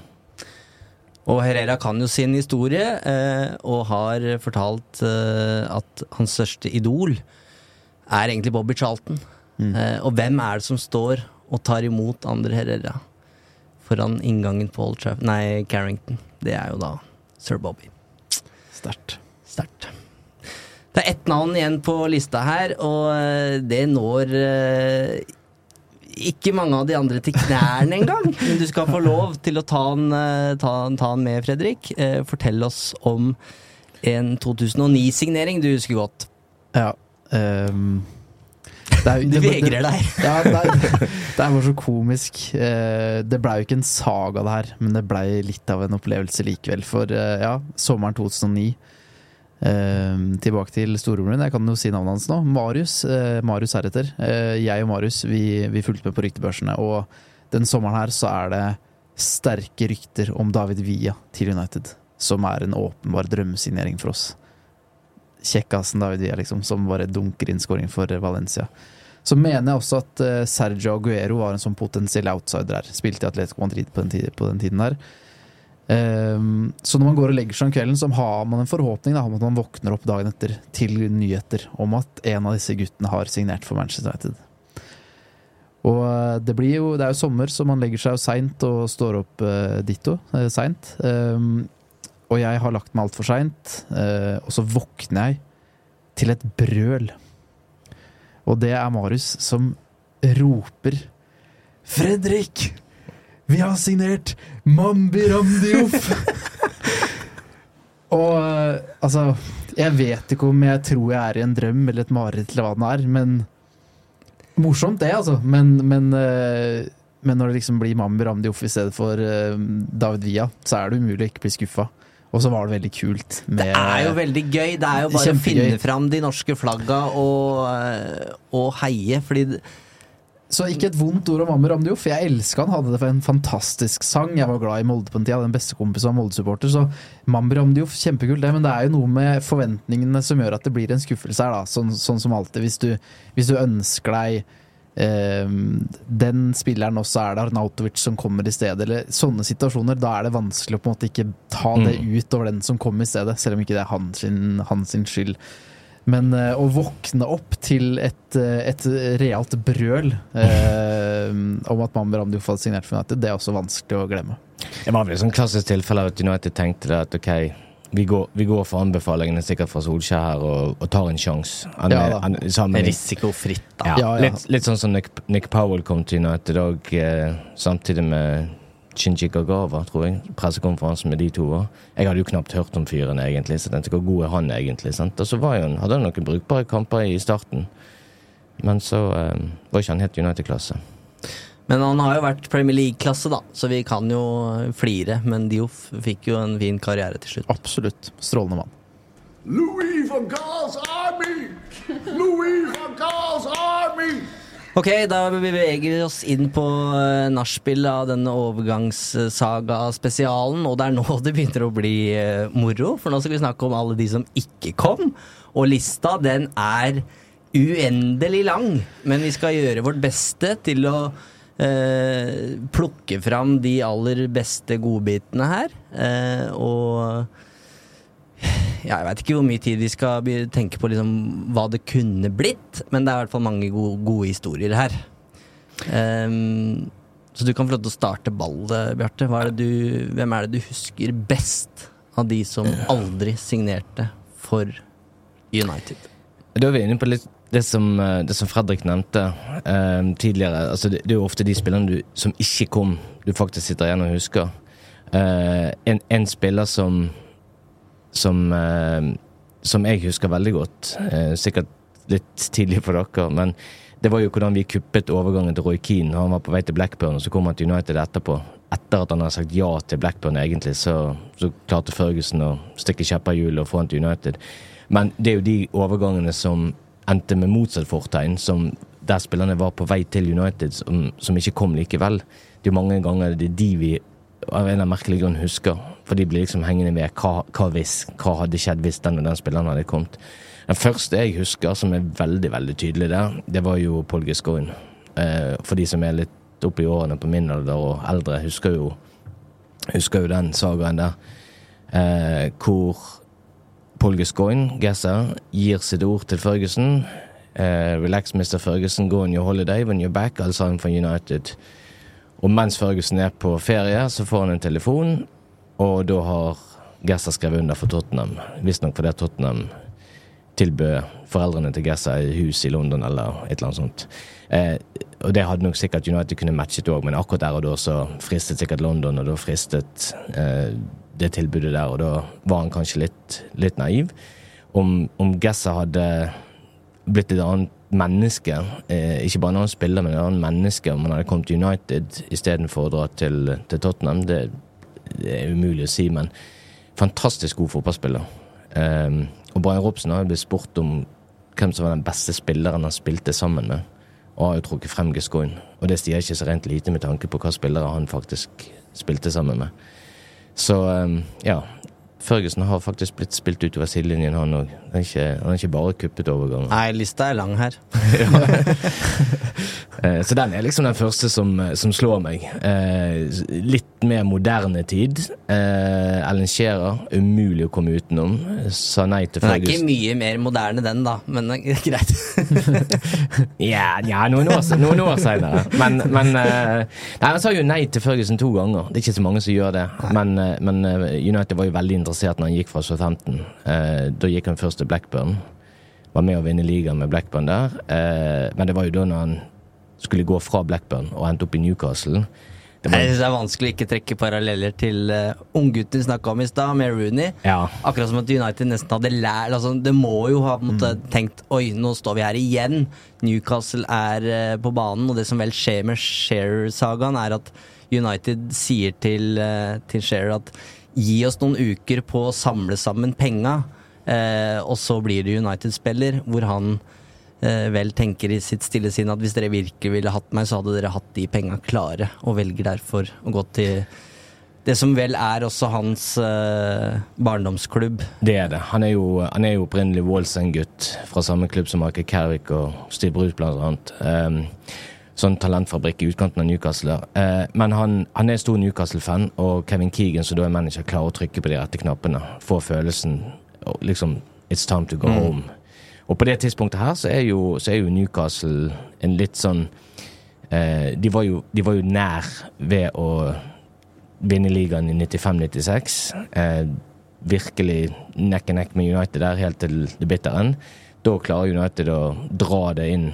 Ferguson med sin eh, ekspertise, Keegan som mister det helt på slutten der og begynner å snakke om eh, eh, Ja, vi husker denne berømte tiraden han hadde på, på Sky Sports. Eh, så, men Newcastle har ikke helt sluppet taket. De ligger liksom i toppen. Det er ikke noe småklubb. Det er ikke den klubben som de var liksom seinere, når de gikk opp og ned, rykket opp og rykket ned og, og, og styrte på. Så jeg kan forstå hvorfor Shearer syntes at det var interessant, men jeg har, jeg har hørt Shearer si mange ganger seinere at han aldri, aldri angret et sekund på at han dro til Newcastle.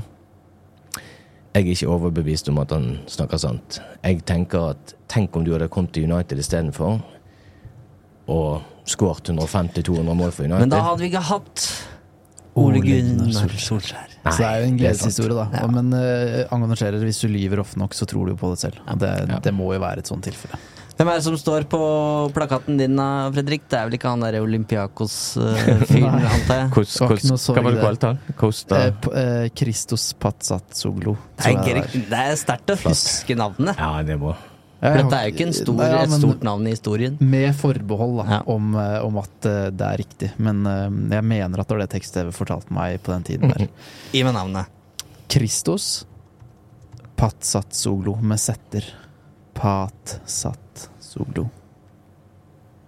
Der er han. eh, 44 år. Eh, på det tidspunktet så spilte han i Olympiakos, ja. Og så inn i Omonia, eh, den kypriotiske klubben som eh, Henning Berg hadde en stund. AIK Athens, og så er det masse andre greske klubber, antar jeg. Så Men han blei jo Var det midtstopper han var, eller var det back? Eh, Høyrebekk Ja, okay. slash defensiv midtbanespiller. Okay. Ja, men da, da var det jo helbom eh, å sette han som stopper med Rio Ferdinand. Men uh, han var i hvert fall forsvarsspiller, da, til mitt forsvar. Ja. Jeg syns du skal ha kudos der for å huske navnet hans i det hele tatt. Jeg. Jo, men takk, jeg tar den. Hvem er din uh, could have been? Oi, oi, hvor skal jeg begynne? Det er, det er altså så mange. Men jeg, jeg tror ehm, Jo, hvis jeg går tilbake til den tiden der, så er det jo Det er umulig å ikke tenke på ehm, Ronaldinho. Eh, og så blir det en litt som Scherer og Solskjær, eh, fordi Ronaldo kom i stedet for Ronaldinho. Men, men på den tiden der så det fremsto sånn helt trygt at denne går i orden. Ronaldinho, ballmagikeren som herjer riktignok i PSG og på daværende tidspunkt en helt ukjent liga. Det er litt sånn med England at de må på en måte se det med sine egne øyne før de tror det. Mm. Og det han har jo det mesterskapet i 2002, Mm. hvor han scorer på David Seaman, og virkelig da får et navn i England. Mm. Eh, og så blir han i PSG ett år til. Så skal han jo egentlig til United. Ja, vi som hadde spilt CM, Eivind, eh, vi visste at Ronaldinho var god. Ehm, Så nei, det, den husker jeg jo selvfølgelig. Og så fikk man på en måte et veldig fint plass på såret i, i Ronaldo der. Men for min del er det også Det er nok de midtbanespillerne um, som aldri kom, som jeg husker best. Og jeg kan Det er Tiago, det er Tony Cross, det er Fabregas, det er Schneider, det er Arturo Vidal. Uh, det er sikkert flere òg, men, men det er sånn det, det er nesten en sorg vi skal prate om nå, kjenner jeg. For det, skuffelsen har vært mange, og de har vært dype, og det har, vært så mange som har vært og følt det så utrolig nære. Mm. Og så har det ikke skjedd. Og jeg er veldig forsiktig med å tørre å håpe og være optimistisk på sånne ting. Jeg har ikke lyst til å ta noe på forskudd. Venter alltid med å få forhåpninger til det fremstår som at ah, nå kan jeg endelig slippe den skylda. Det kommer til å skje. Og sånn var det med så mange av de gutta her. Eh, og det var så mange gode kilder som mente at nå, nå er det rett rundt hjørnet her. Og så blei det ikke noe allikevel. Den 2013-sommeren er jo den store midtbane... eh, Det er jo da den store midtbanekrisa er, under David Moyes, som vil ha Fabregas. Eh, Men før Altså, han blir jo den sommeren faktisk enig med Tony Cross om at han skal signere for Manchester United, men han skal bli værende i Tyskland i ett år til, og så komme til, til United eh, neste sesong. Eh, Og Moyes har jo fortalt om, om det her, annet til eh, Lars Morten Olsen i, i United-supporteren. At han, han eh, møter Cross og kjæresten, og han gir sitt ord på at han skal komme. Og United jobber jo da hele den sesongen her med denne avtalen for Tony Cross. Og så sparkes David Moyes, og det kommer inn en viss nederlender som sier Tony Kroos. Nei, han har ikke jeg lyst på. Jeg skal ha Bastian Schweinsteiger og Morgan Schneiderlin, jeg. Louis Så- ah, Så ja. den går jo eh, føyken, men tilbake til, til Moyes, så, så retter han fokus mot uh, Fabregas. Det går ikke. Og så er det Tiago som får en sånn kryptisk melding fra Digea der, Fredrik. Mm. Ja, eh, de spiller vel U21-EM sammen, Digea og Tiago. Tror de går til topps der. Um, og så tar vel Tiago med seg matchballen hjem, og på vei inn i spillebussen etter kampen så, så blir det fotografert at det står på spansk 'Vi ses i Manchester', uh, og som da er fra DGA. da og det bidro selvfølgelig til spekulasjoner. Um, de prøvde å tone ned at det er en spøkefull greie, Mm. men, men det var jo reelle United ønska jo åpenbart uh, å signere Tiago, og han tror han gikk ut og var ganske tydelig på at han uh, var åpen for å forlate Barcelona. Um, prøve nye eventyr der, som var ganske surrealistisk, egentlig. At Barcas neste stjerneskudd Mm. var gira på å prøve noe annet enn Barcelona. Eh, Så for meg også var det en sånn Det gikk så langt at jeg turte å tro på at denne går i boks. Jeg tror alle trodde, trodde på det. Mm. Og så, jeg har tenkt på det jeg, i forbindelse med den eh, saken som Lars Morten skrev om, om med det intervjuet med David Moyes. Han sa jo det at han ville ha Gareth Bale, og United snakket med Gareth Bale. Eh, og United var optimister, men så kom Real Madrid på banen. Og Real Madrid må jo ha disse Galactico-signeringene som er jevne mellomrom. Og uheldigvis så var det liksom tiden for å komme med en sånn akkurat da. Og på det tidspunktet så fremsto nok Real Madrid mye mer attraktivt enn Manchester United, som var litt sånn i en gjennombyggingsfase. Mm. Eh, og det var litt synd, for det, hvis ikke Real Madrid hadde vært på banen der, hadde Bale kunnet komme til United. Det er ikke umulig. Men det, så, det er en helt syk sommer, fordi Ja. det er, eh, først så er, er det jo da Fabregas. eh, Det blir nei. Så er det Tiago. Det blir nei. Og så beveger de seg over til eh, Kedira. Det går heller ikke. Eh, og da er det tilbake til start, og uh, Fellaini signerer, og det er fram med Baileysen, Fredrik. Var det ikke det? Jo, jeg mener at det var Baileys. Eh, Det er i hvert fall det jeg har sagt tidligere. Så tror jeg, jeg tror det var det. Eh, Så du var egentlig fornøyd med at det ikke ble Tiago? Nei. det, det, jeg måtte jo eh, slukke sorgene på et vis. Men, Rekalibrere. men nei da, jeg skal innrømme at jeg ble ordentlig glad når Fellaini kom. Eh, men det var jo ikke fordi at det ble Fellaini i stedet for noen andre. Det var jo det at det kom noen, og at han eh, i sesongåpningen mot United året i forveien på Goodison Park skårer matchvinnerskåringa. Eh, og var, han var alltid helt enorm når han Mm. møtte United, og så er det lett eh, å si etter at Wow, klarte jeg ikke å se at han var såpass begrensa på, altså på den måten United ønsker å spille fotball på. Mm. Mm. Leighton Baines slo den langt opp på brystkassa til Fellaini, som delte ut noen albuer, og så kom Everton-laget etter. Ja. Det var ikke sånn United skulle spille. Så, men jeg, jeg ble vanvittig glad, glad for at de klarte å trekke opp denne hatten, fordi jeg tenkte at yes, da fikk vi i hvert fall noe, og han syns jeg er god og fæl å spille mot. Men, men la oss gå tilbake til Fabra. Altså, fordi Som journalist så er det en gave å ha en manager som prater åpent og ærlig om overgangsmål, og alle sånne ting men som supporter er det vanvittig frustrerende. Mm. Og jeg er jo begge deler. Eh, journalist og supporter. Så jeg sitter jo på pressekonferanse med David Moyes i jeg tror det er Stockholm. Hvor eh, han i forkant har snakka åpent om jakten på Fabras. Og vi prøver, og vi er i forhandlinger og sånn og sånn. Eh, og jeg sitter der på pressekonferanse med Andreas Rønningen Sandbu. Tidligere journalist i United nå. En helt enorm mann, forresten. Tidligere Fred the Red. Ja, for jeg tror det er på den turen der at han er Fred the Red. At uh, han fikk oppgaven med å være Fred the Red eh, mot eh, AIK på Friends Arena. Men da, da sitter jeg og han og tenker sånn Hvordan kan vi spørre Moyes om Fabras? Fordi han snakker jo åpent om det. Men det er en eller annen i salen som får ordet først, som stiller spørsmål på en måte som gjør at Moyes bare skygger banen og skjønner at her, dette kan jeg ikke svare på, for det blir bare store skriverier. Så jeg og Andreas sitter og rister på og tenker det er ikke sånn du må stille dette spørsmålet. Uten at vi hadde fasiten eller visste hvordan. Vi skjønte bare at denne går ikke. Så jeg tror pressesjef, som sikkert er Karen Shotbolt på den tiden, Mm. eh, bare trår inn og sier at ingen spørsmål om Fabrias i dag. Så da var det en ny strategi da, som kunne tolkes på begge måter. Betyr det at det nærmer seg noe, eller er det negativt? Eller Er har de nå, eller har de nå skjønt at vi kan ikke sitte på podiet og snakke høyt om spilleren vi er interessert i? Så var det en tydelig endring fra det tidspunktet der, da. Mm. Men uh, ja. Enda et eksempel da på at det var en manager som nok ikke helt skjønte omfanget av det sirkuset han nå skulle styre. Det var det. Og så skal skal ikke vi undervurdere det at uh, jeg tror United sin strategi med å gå offentlig ut og snakke om de overgangsmålene, var faktisk noe som Ed Woodward hadde funnet ut at det var måten å gjøre det på. Mm. Og som vi var inne på tidligere, hvordan det var et totalt stilbrudd med det som David Gill og Alex Ferguson holdt på med.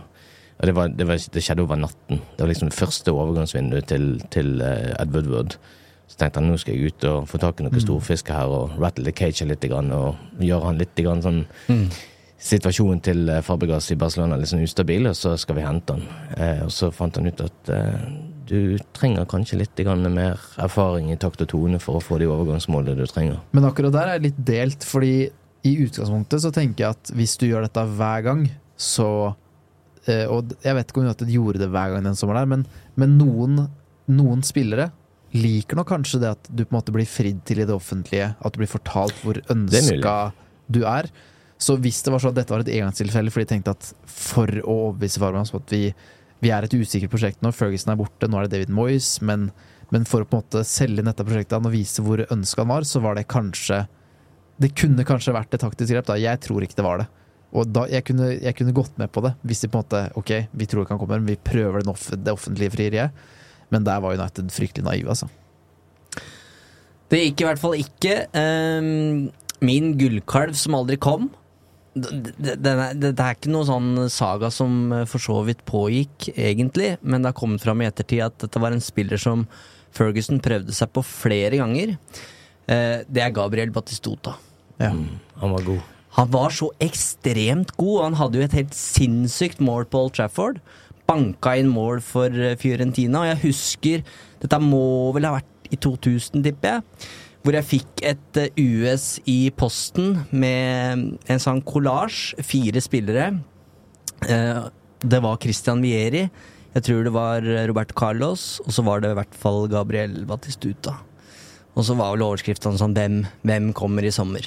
Eh, og det blei jo aldri Batistuta. Han har vel forklart i ettertid at han ville bli værende i Fiorentina, eh, og de krevde sånn astronomiske summer, visstnok, fra Manchester United. Men så går den jo til Roma i 2000 og Ja, i 2000, faktisk. Så det må jo være den sommeren. Mm.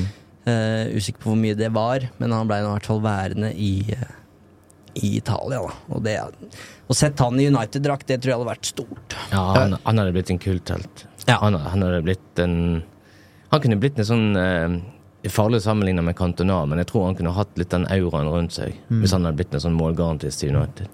Han var, han var eksepsjonelt god. Jeg husker jeg, jeg så United mot Fiorentina, var det tidlig 2000-tall, eh, i Champions League. Eh, så for min del så ble jo dette helt i omvendt rekkefølge, fordi jeg så Batistuta i, i levende liv på TV-en, eller jeg så det live på TV Mm. først. Og så noen år etterpå så får jeg vel en VHS hjemme hvor jeg kan se da ryktene om Batistuta til United pågikk i engelske med aviser. Og da mener jeg at det var avisoverskrifter med at det ble nei fra, fra Batistota, og at prisen var 18 millioner pund. Mener jeg husker at det var på 90-tallet, altså. Eh, og da er det også et intervju med Patrick Cloyfert der, mener jeg husker. Hvor Ferguson er veldig gira på han. Det Men. Han, men han sitter på TV og sier at uh, i England er det bare én klubb for meg, og det er Arsenal. Mm. Så det, ja. Glyfert hadde jo da hatt et godt VM, eh, og eh, Ferguson sa jo etter det her Kanskje han ikke veit hvor stor klubb United er. Mm. Og så signerer han New York isteden. 12,4 millioner pund. Det gikk jo greit, det òg. Ja da, de gjorde det. Um, Chelsea er en sånn egen post her, for de har plaga oss fælt. Um, Vi har jo uh, snakka om uh, Mambiram Dioff, og det var jo minst like stor ståhei da uh, Jon Obi Miquel uh, ble presentert i uh, United-drakt. Ja. Og vi kan jo også ta med oss SIN og Robben og Hazard. Jeg vet ikke om jeg har tid til hele Miquel-historien, men det er jo også helt uh, spinnvilt. Tenk om det hadde skjedd i dag. United presenterer uh, en spiller i United-drakt, og så eh, må, de, må de rett og slett gå tilbake på det. Helomvending. Ja, nei, det er helt surrealistisk. United Eh, får jo en eh, overgangssum, da, faktisk, fra Ja. Chelsea. Ja. 12 millioner pund, så det er jo tidenes fortjeneste der. Ja, for en spiller som knapt satte sine fot Var et kvarter i klubben. Ja, omtrent. Sprøtt opplegg. Ja, nei, det er helt vilt. Jeg, syns den historien på en måte bare blir enda sprøere. Men jeg har sikkert fortalt den mange ganger nå, men, men, men sånn som han eh, Jim O'Neill, som, som da beskriver hele den seansen der, liksom hvordan han signerer kontraktspapirene på vegne av United, og så kort tid etterpå må signere kontraktspapirene på at de slipper han til Chelsea. og David Gill angivelig, da. Grunnen til at jeg sier dette, er at han har godkjent de sitatene sjøl, men David Gill sier til han at hvis ikke du signerer de papirene, så slipper han til Chelsea, så får du Roman Abramovic sine gangster eller den nigerianske mafiaen på nakken. Nå kan du velge sjøl. Hvis, du- hvis, du- hvis du er heldig, så får du begge deler. Sant? Og da tenker han ok, vi, vi slipper han, dette gidder jeg ikke. Så nei, det er helt, helt surrealistisk, egentlig. Um, rett og slett. Robben er nok en spiller eh, United kunne nytt godt av på, på 2000-tallet der, og han var jo Det er flere varianter av denne historien her, da, men han var på um, omvisning på, på Carrington med, med Ferguson. Uh, og så er det tre varianter. Uh, det ene er at han aldri hørte noe fra United da han reiste hjem igjen til Nederland. Den andre er at den valgte Chelsea. Det er et sitat fra en PSV-direktør der ute som sier at den summen United uh, tilbøy, det hadde bare vært nok, nok til en signert Robben-drakt. Mm. Ehm, og den tredje og sykeste kommer fra Rio Ferdinand, og det er at Robin Robben ikke likte lukta på Carrington. Såpass, ja. Men det som er ganske sykt, Og jeg, jeg har ikke dobbeltsjekka om det stemmer, men det er at uh, Peter Kenyon, uh, daværende admin i Manchester United, han innleder Uniteds forhandlinger med mm, PSV om uh, Arjen Robben. Og han avslutter Chelseas forhandlinger med PSV om Arjen Robben. Fint. Jeg husker, eh, jeg husker timinga. Fremstår veldig eh, opp, Altså, den fremstår veldig rar på den tiden også. Eh, og ja, Chelsea tok innersvingen på oss på mange av de spillerne jeg husker var heite og som jeg ønska meg. Og det gjør at jeg kommer på en til. Damien Duff. Mm. Ja. Han har veldig lyst på United, og gikk vel fra Blackburn til Chelsea. Ja. Så, og de, Chelsea traff jo med alle disse signeringene. De, som, de gjorde jo eh, det. Jeg, det. Det er mulig jeg er litt naiv, men jeg satt jo med en følelse av at i begynnelsen av uh, Abramovic-epoken og akkurat den, i den tiden der, så var det sånn at Chelsea satt litt sånn stille og rolig og ventet. Og så så de hva spillere United og gjerne Liverpool og Arsenal var etter. Og så kastet de seg inn i tolvte time og kuppet det, rett og slett med å by mer eller tilby høyere lønn. Tenkte dette må jo være bra hvis United etter det, så ja, det, er sikkert, det, er sikkert, det er sikkert litt mer komplisert enn som så, men det var jo det inntrykket du kunne få. Ja, fremsto litt sånn. Helt enig. Mm. En av de største på, eh, som har fotballspillerne som har gått på denne planeten, Zinedine Zidane, har jo også vært United-aktuell. Uh, Sjefsspeider Les Kershaw var i Bordeaux, blei overbevist, reiste hjem til Ferguson og sa denne fyren her må du signere. Eh, og så um, kommer Erik Cantona med samme råd eh, og sier du må signere Zidane. Um, men jeg, jeg mener det er Martin Edwards som har fortalt det her. At uh, Ferguson velger rett og slett å si nei. Vi skal ikke signere Zidane. Han spiller i samme posisjon som Cantona, og det kan, eh, kan hemme Cantona. Så han velger faktisk å ikke signere Zidane, som da i stedet ender i, i Juventus. Mm. Ja.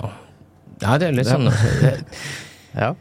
Hvem vet hva han kunne blitt i United hvis han hadde kommet? Zidane og Cantona på Old Trafford, det virker ganske surrealistisk i dag, i hvert fall. Veit du hvilket årstall vi snakker um, For det er jo, hvis dette på en måte Si at dette var um, rett før Cantona la opp, uh, ut Mm. av det blå, for eksempel. Uh, for um, det er jo ingenting å si på suksessen Cantona leda United til. Mm. Eh, så hvis det på en måte var i den tidsperioden her, så, Ja. det, så vil jeg jo si at den traff, men eh, Ja, men Frankrike var jo aldri i VM i 94. De, eh, de snublet jo i kvaliken helt på tampene. De mener de tapte mot Bulgaria på overtid eller noe sånt, eh, siste kvalikkampen. Så de gikk jo ikke til VM der som vi var. Eh, og EM i 96 i England, da er vel Frankrike med.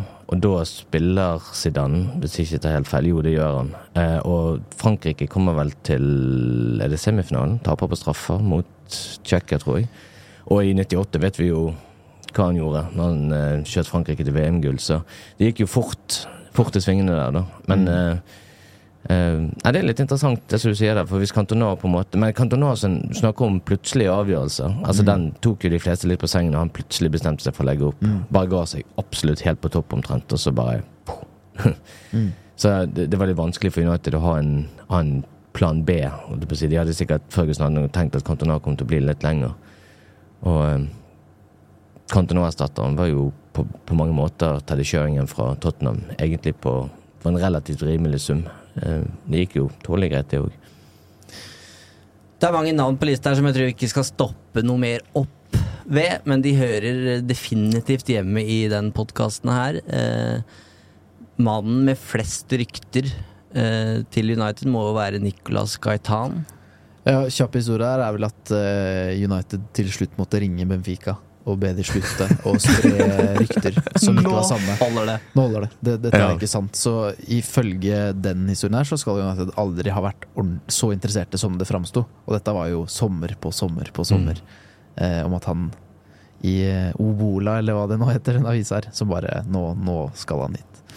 Eh, ja. Gikk til Atletico Madrid, spilte 29 kamper der før han forsvant til Kina og USA. Så det er vanskelig å si at United gikk glipp av gull her. Um, Wesley Schneider uh, Den må vi stoppe opp litt ved. Det er, sorry. Orker vi? Ja, Orker nei, orker er Men vi kan, ikke, vi kan ikke bare hoppe, hoppe over den, fordi det er jo også en av de som vir som jeg virkelig sånn husker helt enormt. Og grunnen er fordi at det er en av de spillerne du har sett herje å være så god at du bare å, håper en dag at du henter den, og så blir ryktene så sterke. Uh, og Ferguson eh, bekrefta jo til oss da jeg møtte han i USA, at vi, vi får se hva som skjer. Inter nekter å selge. Eh, så han bekrefta at det var reell interesse. Men det pågikk og pågikk og pågikk. Og Ja, bare til slutt slutt så sånn- blir du så lei at du, du, du klarer på en måte ikke å se skogen for bare trær. Wesley Mm. Schneider, det eneste han representerer, er en overgangssaga som aldri tar slutt. Du Mm. glemmer jo fotballspilleren oppi alt. Eh, og til slutt så ville jeg ikke ha han. Jeg bare få det bort. Ja, og det, dette er noe United har gjort mot meg så mange ganger, hvor, hvor den derre drømmesigneringen Det ender bare med å bli en sånn lettelse, eller en sånn du Mm. trekker på skuldra fordi det trakk ut så lenge at du til slutt bare Vet du hva, samme for meg, bare få en avklaring her. Mm. Eh, og litt sånn ble det med Schneider, og det blei jo aldri noe av. Eh, og det var jo en posisjon Ferguson De der rene tierne som var best bak spissen, de føler jeg ikke Ferguson Nei. var særlig begeistra for å signere. Og det var alltid sterke rykter om den derre midtbanegiganten som var, hadde mye assist og, og skåringer. Så kom Kagawa en dag, da, eh, som Mm. brøyt litt med dem. Han blei jo gjerne plassert eh, ute på en av kantene også. De fant liksom aldri helt hans rolle, følte jeg. Men Ron var altså bedre enn sitt rykte. Ja, men det var en posisjon der Ferguson gjerne ville ha det i en midtbanetoer, mens Han spilte bare ikke tier. Nei, og det, det var jo kun offensive fibre på, på spillere som Schneider og Kagawa og Verona. Han ville ikke ha Zidane. Nei. Ja, han traff på det meste, han skal ha det. Men det, det er jo eh, Så dukket opp noen nye sånne der Frenke Frenkie de Jong-rykter i, eh, i Spania i, i går. Og det ble sånn ah, here we go again. Og da er jo det du kan være sikker på da, det er at det er noen som svarer spør hvordan det går med Vesje Schneider. Vi snakkes på han, liksom. Altså, den, den kommer alltid trekkende frem som et sånt eksempel når det er en sånn overgangssager som bare går og går og går og går. Ja, han hører hjemme her. Eh, Ramos har leika med United en del ganger og fått noen fete kontrakter ut av det. Eh, Grismann holdt noe voldsomt til show. Det var noe annonseringer om at den og den datoen får dere vite hva som skjer. Og så kom vi til den datoen, og ingenting skjedde. Jeg husker broren hans, som var uh, veldig aktiv på Twitter og sosiale medier, som også var veldig United-fan. Dreiv og uh, la ut bilder av Old Trafford hvor ryktene var som størst rundt Antoine Griezmann. Og, og det var også en spiller jeg var veldig gira på på den tiden der. Så det er mange skuffelser å oppleve, altså. Mm. Kan jeg bare trekke opp en sånn kanin av hatten for de, eh, de, de, den litt eldre garde? Og det er litt interessant, for det at eh, nå går vi veldig langt tilbake i tid. Men eh, jeg husker jeg var intervjuet eh, tidligere eh, styremedlem i United, han som var advokaten til United, Morris Watkins. Det var jo han som styrte og forhandlet alle disse overgangene. Og jeg spurte han om hvis han kunne trekke frem to spillere som ikke ble United-spillere, som han gjerne skulle sett i United. Og da hadde han to navn umiddelbart. Og det ene var Ellen Shearer, og vi har forklart hvorfor. Den andre, det var Peter Beardsley. Og Peter Beardsley, det spesielle med han, det var jo det at han, han har faktisk én kamp for United.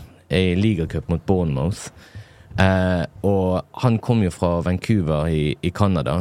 Men United Altså, det har vært veldig mye sånn snakk om eh, United så ikke potensialet hans, og, og de hemmet Ron Atkinson har blitt sitert på at det ville hemmet utviklingen til Mark Hughes og alt det der greiene der. Sannheten, ifølge Morris Watkins, var at United klarte ikke å finne eh, gode nok argumenter til at han skulle få arbeidstillatelse i, i England, og oppholdstillatelse der, for han har bodd så mange år i Canada. Eh, og det, det var Det var, eh, det var en mer en juridisk karakter som gjorde at ikke de lykkes det. Men det smutthullet fant Newcastle på en eller annen måte. Og han sa det har plaget meg siden at de klarte den jobben som ikke jeg gjorde. Og dermed så gikk han først til Newcastle, legende i Liverpool. Så vi vet jo aldri hva midtbanespiller vi kunne fått med han.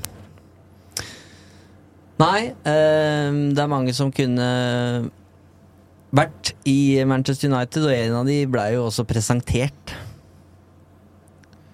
Ja. Skal du til eh, Wales og Cardiff? Ja.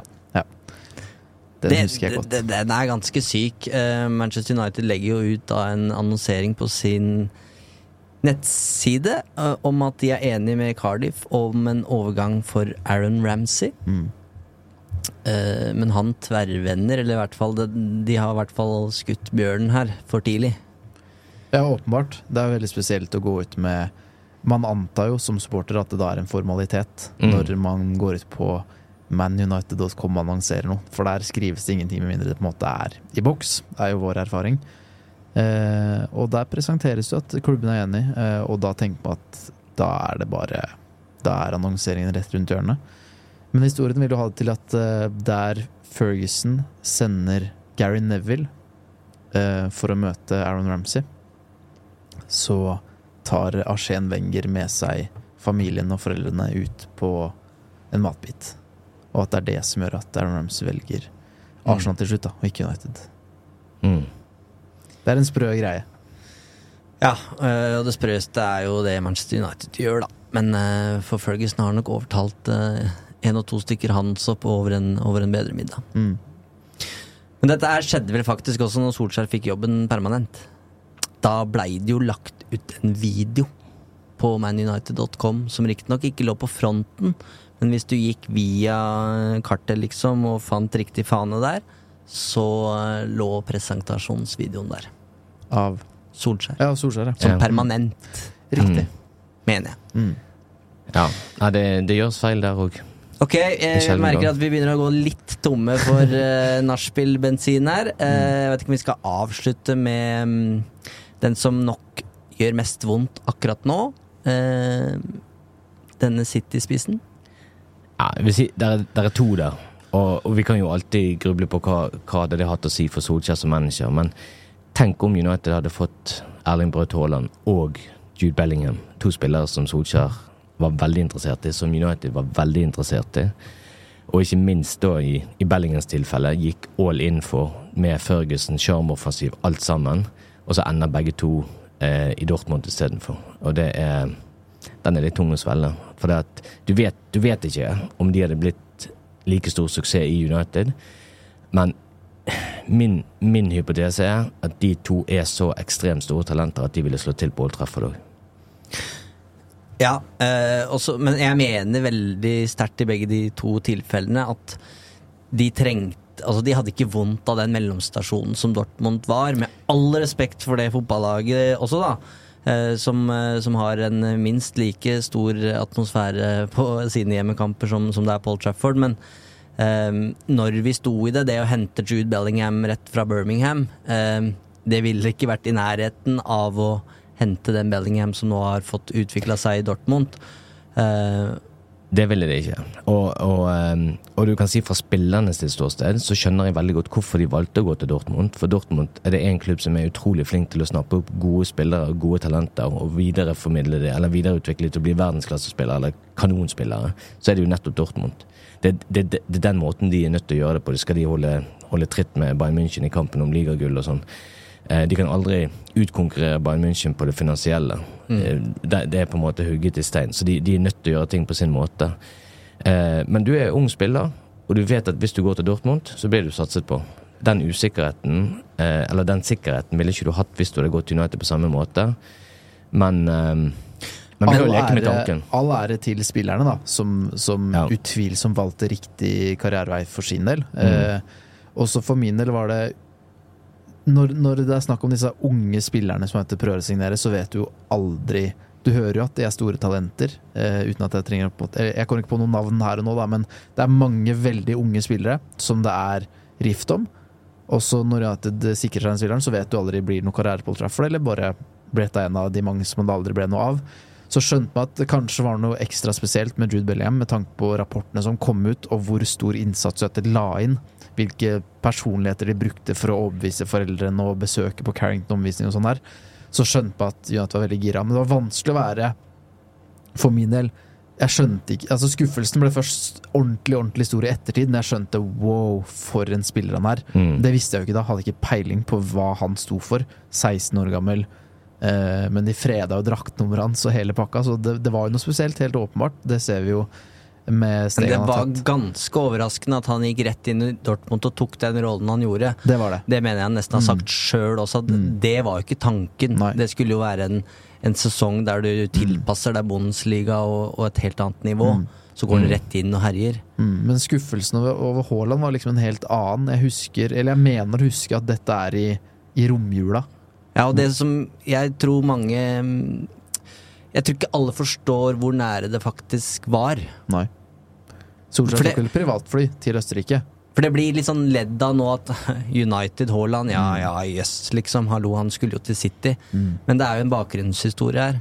Ja, med det besøket, hvor Solskjær flyr privatflyet og, og møter pappa og Erling i Østerrike, mener jeg det ble rapportert. Og hvor Solskjær sitter på pressekonferanse og smiler og sier at Erling veit hvor han skal, han. Eh, Noe sånt mener jeg at Solskjær sa. Og litt på samme måte som Sol- Solskjær snakka om Ronaldo på den pressekonferansen mm. når det var snakk om City. Så når, når Solskjær sa det om Ronaldo, tenkte jeg her tar jeg ingenting for gitt, fordi jeg husker det, hva, hva betyr det egentlig? Fordi det jeg trodde betydde med Erling, det betydde noe helt annet. Eh, og så tror jeg jeg sitter og ser Premier League-fotball i rom- romjula, hvor kommentatorene live i kampen forteller at Erling Braut Haaland har gått til Dortmund. Og da satt jeg sjokkskadd i sofaen. Altså. Mm. Det, det, det jeg ble tatt så på senga, så ikke den komme i det hele tatt. At ikke mm. Erling Braut Haaland, som hadde Solskjær i Molde, at ikke han skulle komme til Solskjær, United, det ga ingen mening for meg. Jeg vet ikke om det er det som ble det avgjørende, men jeg har hørt at Og det er for så vidt ikke noen eh, hemmelighet, men at uh, Dortmund gikk med på en utkjøpsklausul i kontrakten, som gjorde da i sin tid at City fikk han mye billigere enn det som var reell markedspris.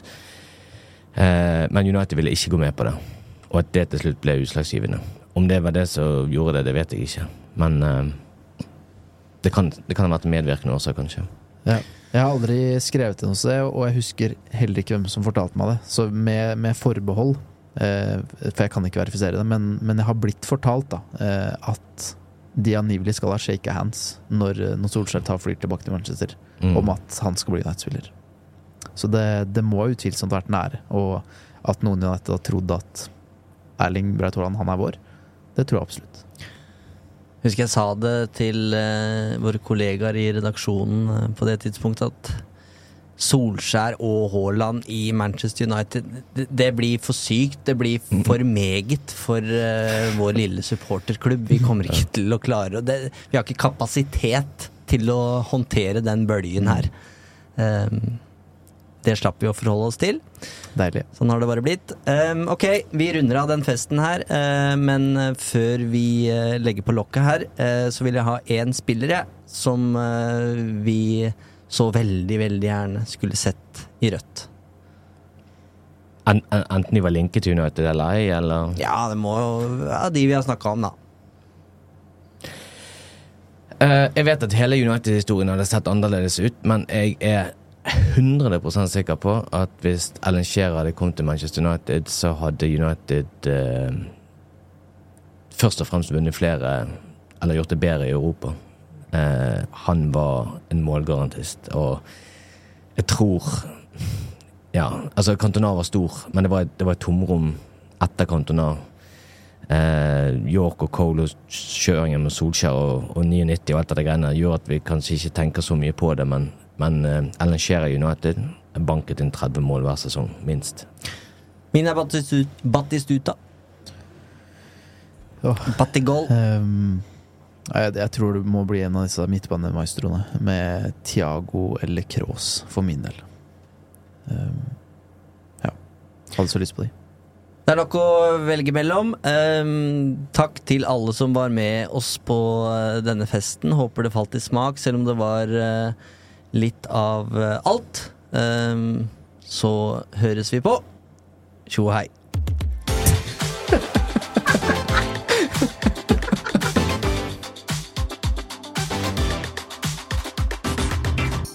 Den er sterk. Det er ny jingle.